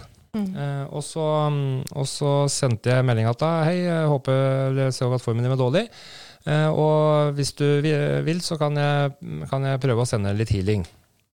Og fikk eh, kjempelang melding tilbake at, eh, om åssen formen hennes var, og, og, tette lunger, og, og forklarte opp utfordringene sine. Og at det hadde ført meg lenge, mm. og, og, sett hva jeg drev med. Og, så, ja, det, og du lurte på hvor mye jeg skulle ha betalt for det. Og så sa jeg nei, jeg skal ikke ha betalt, for dette her var mitt tilbud til deg. Det er min, min giveaway i jula til noen som trenger det. Mm, sånn at da har jeg gitt litt tilbake igjen. Mm. Uh, og grunnen til at jeg sier det også, er for at jeg føler det ganske sterkt. At jeg kan hjelpe deg, eller at jeg kan hjelpe deg å hjelpe deg sjøl. Mm. Uh, eller innse at du kan bli frisk på egen hånd. Um, du trenger bare litt dytt i riktig retning. Så jeg sendte en healing. og så anbefalte jeg òg å ringe legevakta, for hun var veldig sjuk. Mm. Så ta deg en CRP-test og litt sånne ting, så du får bekrefta det. For at jeg fikk en sånn sviing i bringen og, og, alle de på en måte sår etter ledda og det som jeg kjenner igjen sjøl når jeg har skikkelig lungebetennelse. eller ja. noe sånt. Så jeg fikk liksom den greia der. Så jeg la meg ned og, og satte på litt uh, musikk på, på øra. Og, uh, og, eh, den første halvtimen så gikk det helt fint. Da følte jeg at jeg nådde fram, fikk kontakt. Jeg begynte å rense ut det gamle, gjorde det meg sjøl og, og gjøre greia mi. da. Mm. Eh, og så plutselig så merka jeg at det forsvant. Det var sånn der, Oi, nå reiste jeg seg opp, eller nå, nå fant jeg på noe annet å gjøre, for nå mistet jeg, jeg mista litt. da. Mm. Og da når jeg opplevde det, så hadde jeg fått meldinger i, i innboksen min at eh, nå kom broren min, og han øh, mener vi skal ringe, og, men bare fortsett, du. og Det så vi ikke jeg da, da. Men jeg mm. måtte da lete opp igjen. Jeg måtte finne igjen energien hennes. Ja. Og så fikk jeg tak i henne igjen, på en måte. Ja. Og, og, så fikk jeg fortsatt. Og det som skjedde, da, og dette har jeg fått lov til å dele, og det ligger òg ute i historien min på Facebook, og hvis jeg er her, så får jeg gjerne kommentere der. Men uh, så kom det opp mye mer der, for uh, igjen så fikk jeg opp at dette her er en renselsesprosess for henne. Mm. antageligvis så kommer hun på sykehuset, og så Jeg trodde faktisk sånn at ok, CRP-en hennes kommer til å slå ut, for hun er skikkelig dårlig. Det kjenner jeg på meg, på en måte. Eh, og, så, mm, og, så, kommer hun på sykehuset. Det første som skjedde, var at hun hosta opp masse gult og brunt slim. Hun hadde begynt å bryte seg, og hun merket veldig at jeg jobba med henne. Uh, og um, når hun kommer på sykehuset, og det er tagg CRP og sånn, så er det jo ikke utslag i det hele tatt. Um, og, og, hun sa det fikk hosta opp en hel masse, uh, og legen sa at det, det er ikke noe galt med deg. sånn at det er ikke noe vits at du er her. Og da fikk jeg igjen, på en måte, når hun fortalte meg det, så var det sånn der ah, Shit, dette her er jo akkurat det jeg var igjennom. Når, og Mikael har vært igjennom, og mange andre har vært igjennom, som, som er, de, de, skal kjenne på de forskjellige tinga. Mm. Uh, så hun er veldig intuitiv sjøl. Mm. Og da fikk jeg opp det. Men igjen, da klarte jeg ikke å lande den tanken. Jeg måtte, for jeg må jo tenke godt igjennom etterhealinger og lande alt, skrive ned. Så jeg bruker ganske lang tid på det for å finne ut hva er det som er tanker, følelser, og hva er det som er intuisjon. Mm. Um, så jeg fikk jo tilbakemelding fra at jeg, hun merket godt at hadde blitt jobba med. Hun hadde vært uh, på et sykehuset, fått svar på at CRP-en var litt noe galt med. Hun hadde hosta, hadde peip i lungen på alt sånne ting, men, og dårlig form, men ingenting galt på verken det ene eller det andre. Og kjørte hjem igjen, og da fikk jeg den følelsen at ok, i morgen så kommer hun til å bli mye bedre. så drikk vann, og så slapper hun av. Uh, og jeg fikk melding til i dag, jeg får ikke henta den fram nå, men jeg har lagt den ut på Story på mm. Instagram. ja, det så jeg, det var veldig fint. Og um, i dag så har jeg litt vondt i halsen. Ja, uh, det er første dagen på en og en halv måned. Uh, og det er litt spesielt, og det er jeg veldig takknemlig for, at, at jeg klarer å, å, være så sikker da, i min sak der. Men jeg tok feil om CRP-en. Mm. Jeg fikk også opp noen andre ting der. En mann som jeg ikke har fått tilbakemelding på enda fra. Mm. Sånn at jeg kan observere ting som hun ikke er klar over, eller Eh, andre ting som, ikke, kanskje, som jeg tolker feil. da. Men i all hovedsak da, så var det én ting jeg skulle gjøre, og det var å hjelpe hun å bli i bedre form, og det fikk vi absolutt til. Så, så, det er jeg veldig takknemlig for. Men uh, hvis jeg hører på nå, så vil jeg også bare si at det, den intuitive evnen som hun kjenner på, den har hun. Det er ikke noe å tenke på. Hun trenger ikke å tvile på det. Uh, men hun er uh, i en prosess hvor hun kommer til å verke mye opp og ned. Og, og, og så var det fint at jeg delte det, for jeg leste jo Hun kom med en tilbakemelding faktisk da fra, fra det som hadde skjedd, eh, Odd Asbjørn. Og det var veldig fint at jeg kunne faktisk dele det. Mm, det er jeg veldig takknemlig for. Eh, var det noen flere spørsmål da? Nina, eh, Nina skriver, altså En av mine moderatorer og hjelpere, Nina, jeg er så glad for at Nina er på på sendingene mine, for hun har kontroll. Hun sier Odd, kan du si at eh, Marianne må informere via lyd om siden på Facebook? Altså at uh, På Michael Winger sin side at uh, ja, Hvis dere ikke hører noe lyd her, eller at dere har lyst til å se en annen kameravinkel, så gå inn på Michael Winger på Facebook, og der sender vi da live. Det var en som skrev, så jeg sa det her at etter 40 år eh, Jeg også blokkerer kommentarer som kommer, for det kommer kommentarer der som ikke henger på grep. Etter, etter, min definisjon, så jeg skjuler de.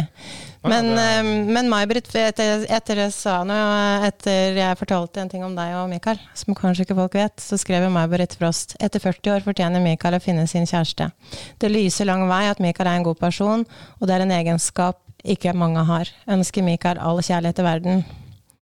Og så skriver Inger eh, Granvang under.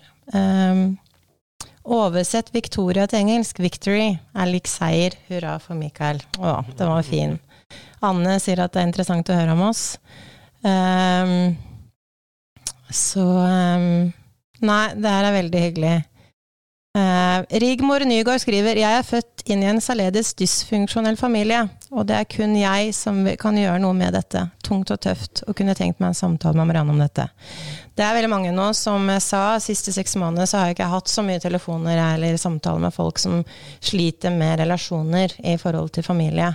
Om det så er at de sliter med barndomstraumer, eller om det er arvestrider, eller om det er familierelasjoner.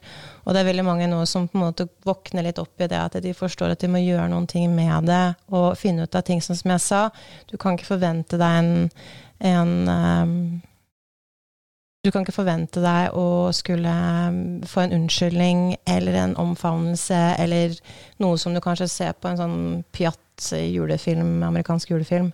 det her er virkeligheten, og du trenger ikke alle i familien din heller. Noen, noen, noe av det som veldig mange blir skuffa over, er at vi har veldig ofte en forventning av hvordan familie skal være, hvordan nære relasjoner skal være. Og når ikke man får innfridd, det kan være barnesinne, det kan være veldig mye, så kan det komme voldsomme reaksjoner og skuffelser og bitterhet som veldig mange får fort da i 40-50-60-åra, som jeg jobba med. Og det er det at man kommer med det med aksepten. er At folk er som de er med den bevissthetsnivået de har. Og du vil ikke få alle til å forstå. Og det er ikke alle som kanskje opp, forstår at du kanskje har hatt det vondt, eller at ting har vært vanskelig. Det er ofte Folk er så forskjellige. Jeg syns Einstein har en veldig fin sånn quote som han sier, som heter at du kan aldri dømme en fisk ut ifra evnen den har til å klatre et tre.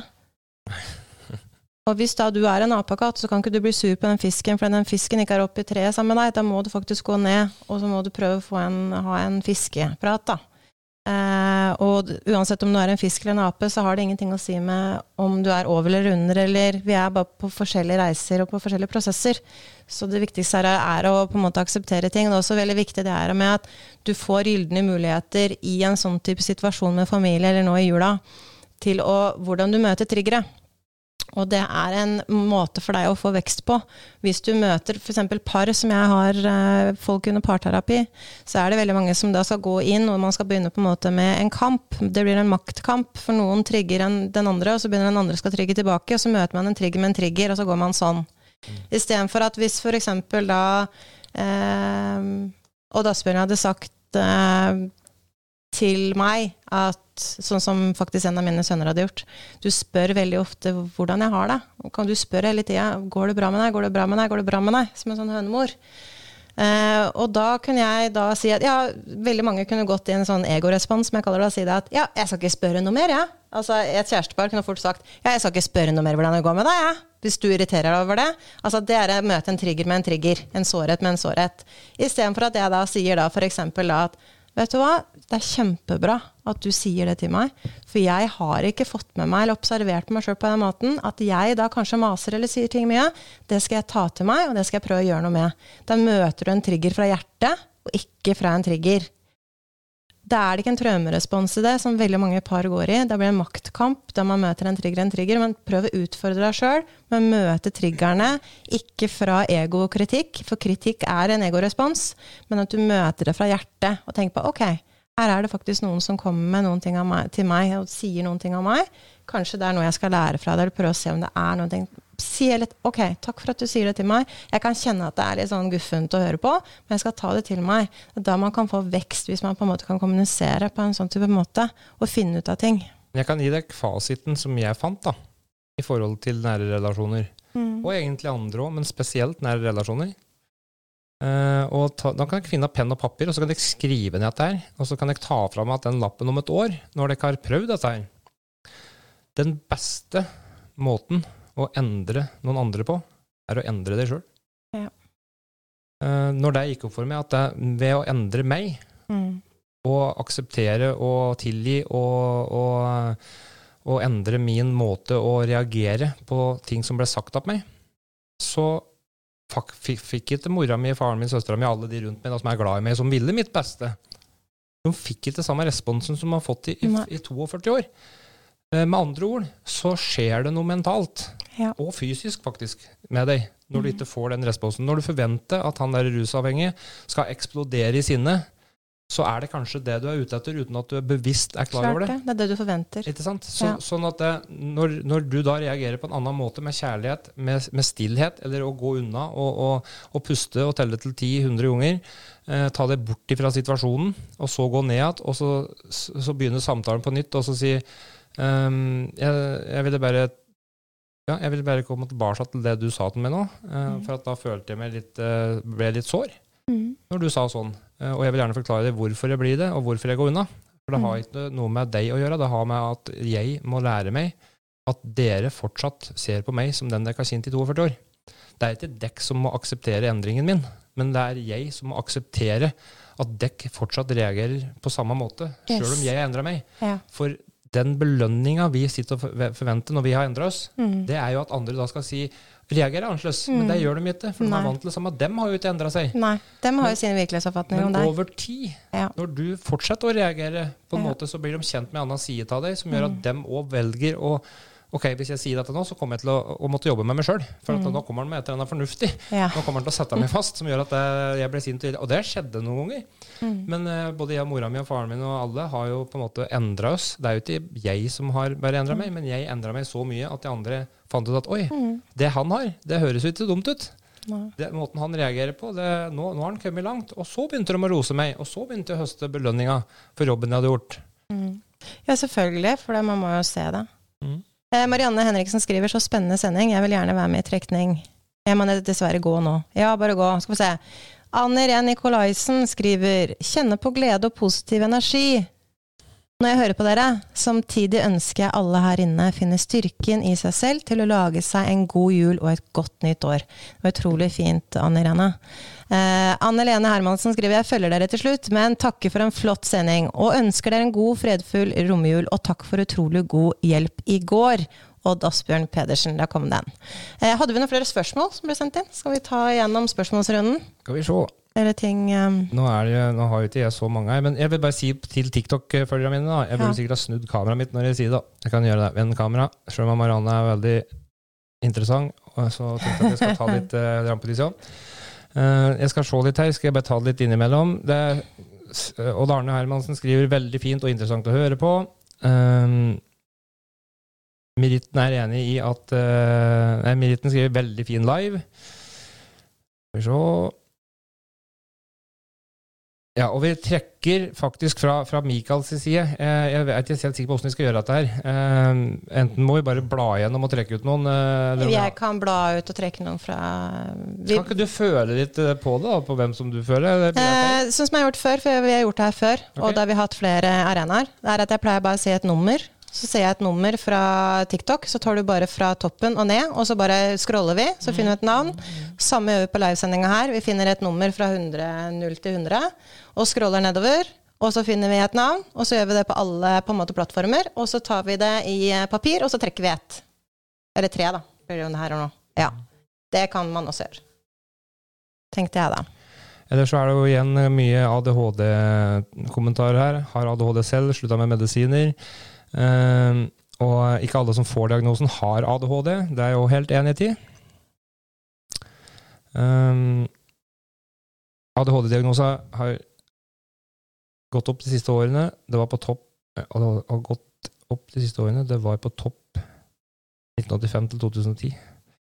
Uh, ja. Veldig mye, faktisk. Jeg har jo mye bokstaver sjøl òg, men jeg vil liksom ikke si at jeg har det. Altså, jeg, som du sa i stad, jeg er ikke noe diagnose.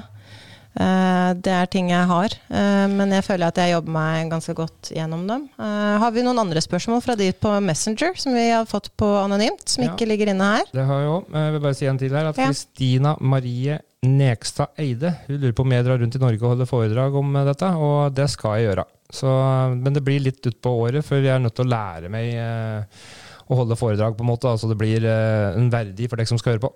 Han skal nok ha mye foredrag etter hvert. Jeg skal leve av det etter hvert, håper jeg. Men, det tror jeg òg. Eh, det var også noen som hadde stilt spørsmål anonymt om, eh, om Mikael og om kurs og litt forskjellig, og om han hadde drevet med noen skolegreier før, om han kom til kanskje ha noe skole etter hvert. Og Mikael har veldig masse planer, så det er bare å følge egentlig sida hans. Og det også går an å bare eh, følge med, så kommer det opp arrangementer om kurs han skal ha, og etter hvert også skole. Han har mye planer, så det er bare å følge med der. Jeg skal jeg skal bare si ifra. Jeg skal bare gå ut nå og så skal jeg bare sjekke et par ting, så jeg har sett liven ditt på pause. Hvis det, hvis, hvis det går på pause, så er jeg litt usikker.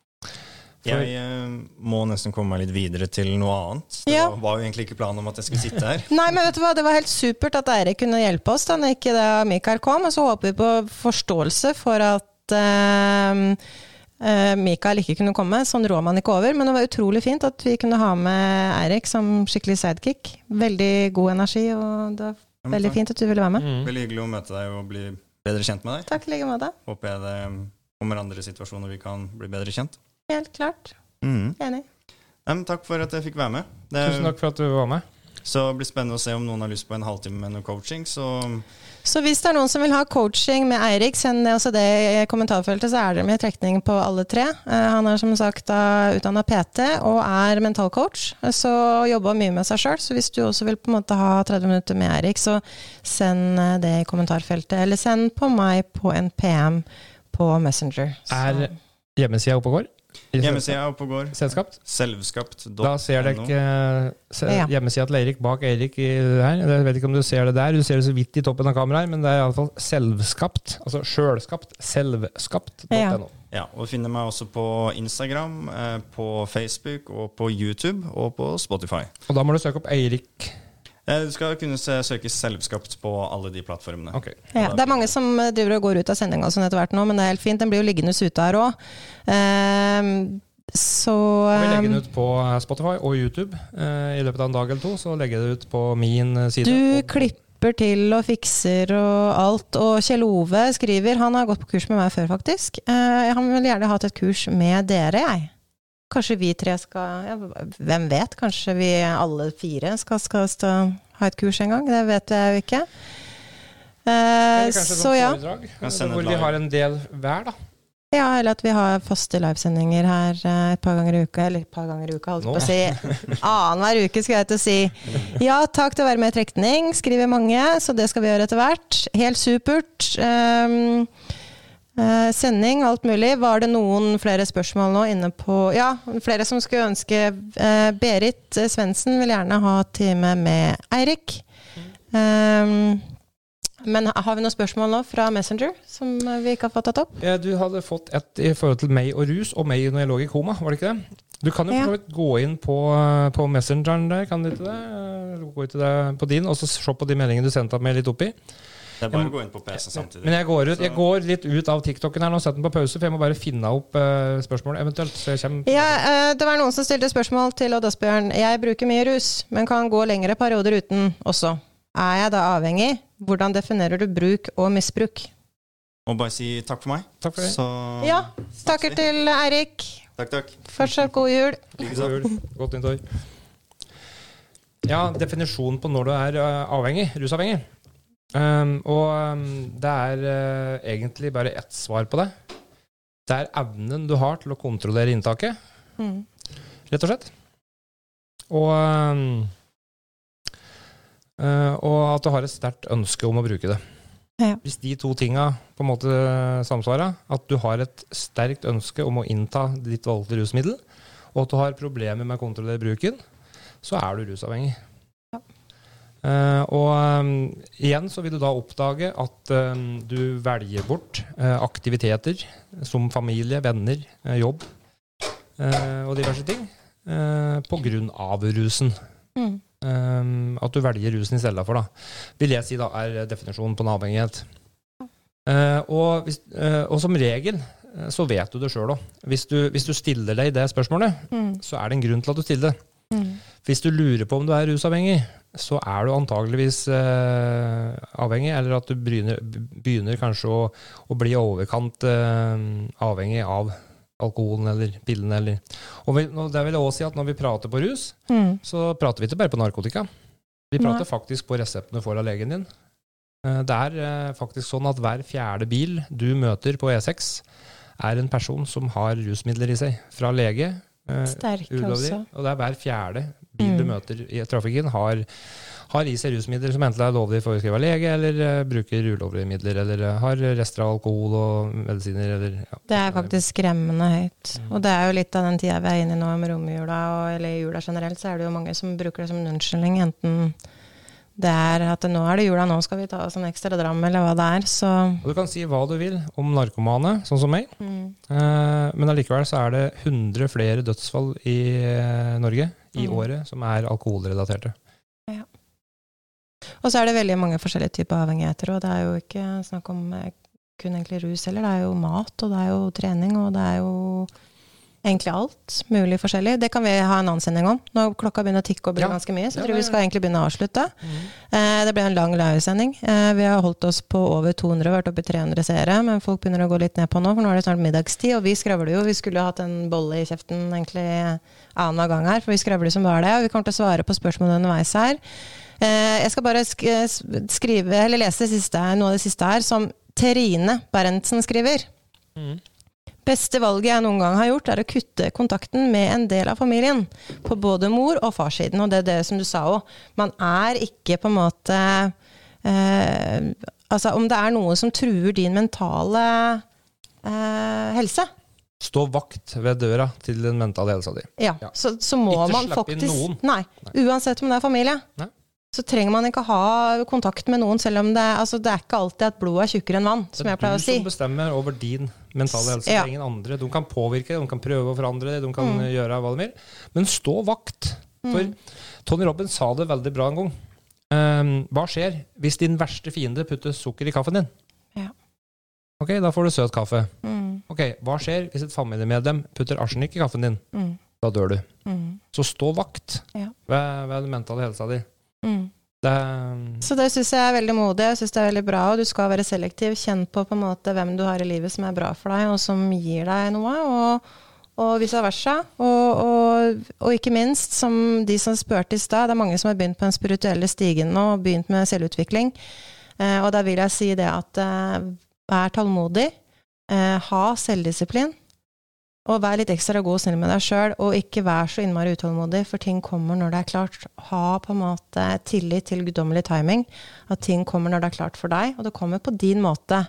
Eh, og prøv da, som sagt, å, å ha selvdisiplin til å bruke meditasjon, bruke pust. Det er det største tipset og verktøyet som jeg har til folk, spesielt til folk som er som meg og som deg, eh, ekstremt høysensitive, eh, så er det på en måte ting og valg man må ta. At man vil sette ekstra fokus til da meditasjon, til pusting, til å kjenne på hvor man har energien sin. Eh, for det er like viktig som å pusse tennene og som å dusje. Og at det må på en måte bli en del av hverdagen. At du kjenner på at du er på plass i din egen kraft og er på plass i din egen energi. At du vet forskjell på hva som er din energi og andres energi. Og at man faktisk da jobber med de tinga hver dag, og det er et valg du tar hver eneste dag. Det er et, ikke en easy fix. Og hvis du snakker med noen, der faller jeg av, snakker med folk som driver med det samme som meg, eller spirituelle veiledere, som begynner å snakke om at ja, jeg har ikke noe ego, eller jeg lever i 5G, og jeg kan se at du har ti engler rundt deg, og jeg kan se at du har kanskje noe problem med noe eh, ditten eller datten, eller Da faller jeg av. Uh, og det er så viktig på en måte for meg òg at ja, nå får vi på en måte holde oss jordnære og holde oss på bakken. For at eh, skal man få det bedre, så må man starte der man er her og nå. Verken i at man ikke er ditten eller datten eller i en sånn type gurugreie. For jeg, selv om jeg jobber med det jeg jobber med, så er jeg på samme sted som alle andre. Jeg har mine utfordringer og mine prosesser som jeg må gå i. Og jeg har et valg når jeg våkner opp om morgenen og åpner opp øya. Hver eneste dag så har jeg et valg om hvordan på en måte hverdagen min skal være, hvordan jeg skal ha det med meg sjøl. Det er ikke på en måte bare da at jeg plutselig har kommet i 5G, eller at jeg har, altså, er i en engletilstand, som noen sier. Det er ikke sånn. Jeg er et menneske med kjøtt og blod, og jeg lever her, i den verden her, med mine sanser, som jeg kan velge å utvikle eller ikke utvikle. og og derfor er det så viktig at man på en måte da har selvdisiplin gjør de tinga som du kanskje kan kjenne på du kanskje ikke har lyst til, men gå ut, få deg frisk luft, gå deg en tur, eh, puste, meditere. Prøv å få inn litt sånne gode ting i hverdagen. Det er det viktigste som du kan gjøre. Og Der vil jeg òg bare skyte inn, for at der, der i min reise så var det òg den derre Å, jeg har ikke motivasjon. Mm. Altså, jeg, jeg, har så dårlig med motivasjon, og motivasjon er ferskvare. Ja. Motivasjon er ikke noe du har hele tida. Motivasjon kan du kun bruke når du har den. Hvis du mm. ikke har den, så mangler du den, og da vil den ikke hjelpe deg noe. Det du skal ha, det er disiplin, som du sier. Mm. For hvis du har disiplin Disiplin det er å holde avtalene med seg sjøl. Yes. Så hvis du går inn i avtale med deg sjøl at eh, to eller en gang i uka nå, mm. så skal jeg i treningssenteret. Mm. Om jeg så bare skal gå en runde inn i treningssenteret og kjenne på vektene, eller teste tredemølla, så ja. er det min oppgave. Uh, og Den avtalen skal du gjøre med deg sjøl, og heng den på spelen din. Ja. Eh, sånn at du ser den hver dag og blir minna på at det er en avtale du har gått inn med deg sjøl, og du skal alltid holde avtalen med deg sjøl. Yes. Og det er disiplin. Hvis du holder den, så trenger du ikke motivasjon. Men du vil få motivasjon av at du er disiplinert. Ja. Og da kan du hente opp den og hjelpe deg. Og når du da i tillegg begynner å se endring og resultater, både mentalt og fysisk, så kommer belønninga. Mm. Ikke sant? Ikke før på trinn tre kommer belønninga. Nei. Så du må ha disiplin, hold avtale med deg sjøl, og start med å re senga di hver eneste morgen. For hvis dagen går til helvete, ting er kjett, bestefaren din har daua, eh, katten din har blitt påkjørt, et eller og du kommer inn at du skal legge deg i senga di, så, så blir du mentalt påminna at vet du hva, jeg gjorde dagens første oppgave. Jeg har klart én ting i dag. Jeg har holdt avtalen med meg sjøl, sånn at det er én ting jeg har gjennomført, og det var å re senga mi. Og så kan du legge deg til en nyredd seng, og så vet du at i morgen når du slår opp av døra, så er det en ny dag, og jeg kontrollerer sjøl åssen jeg vil håndtere den, men det starter med å holde avtalen med meg sjøl. Det er akkurat det. Det syns jeg var veldig fine ord. Og til syvende og sist så handler det ikke om å på en måte finne svar på tusenvis av ting og helt ja, jakte etter en annen type virkelighet, drive med virkelighetsflukt. Det handler om at du skaper deg en god dag, og at du kan ha det godt i deg sjøl og ha gode folk rundt deg. Og det er egentlig det å være takknemlig med det utgangspunktet man har her og nå. Så det, med det så vil jeg bare ønske alle en kjempefin dag. Som sagt så blir det sikkert en eh, lengre podkast som blir lagt ut der, og det blir en lang livesending. Dere som har fulgt oss hele veien, så vil jeg bare ønske dere en fortsatt god romjul. Og eh, vi kommer da til å trekke noen som får da en eh, samtale, hjelp med Eirik. Eh, 30 minutter samtale med Odd Asbjørn og 30 minutter med meg. Vi kommer til å sende dere en PM eh, og skrive da ut dem som da vinner, og så finner vi en tid da det passer for dere. Og så sier vi òg at vinneren er trukket i kommentarfeltet, kanskje, sånn at folk er klare. Det kan vi gjøre. Så de andre òg får vite at eh, noen har blitt trukket. Ja. Og hvis det skulle være noen ting, jeg vil bare si der, hvis det er noen som eh, snakker der ute, som ikke har det bra, så vær så snill, ta kontakt. Hvis jeg vet at det er mange som sliter der ute, det kan være noen som hører på som ikke helt vet, kanskje du kjenner noen som er i, er i en um, er i en uh, vanskelig situasjon, så vær så snill, ring 113, eller ta kontakt med Grisesenteret, eller ta kontakt med noen som kan hjelpe deg. Så hvis du hører stemmen min nå, og du er i en situasjon, så vær så snill og ta kontakt med noen rundt dere.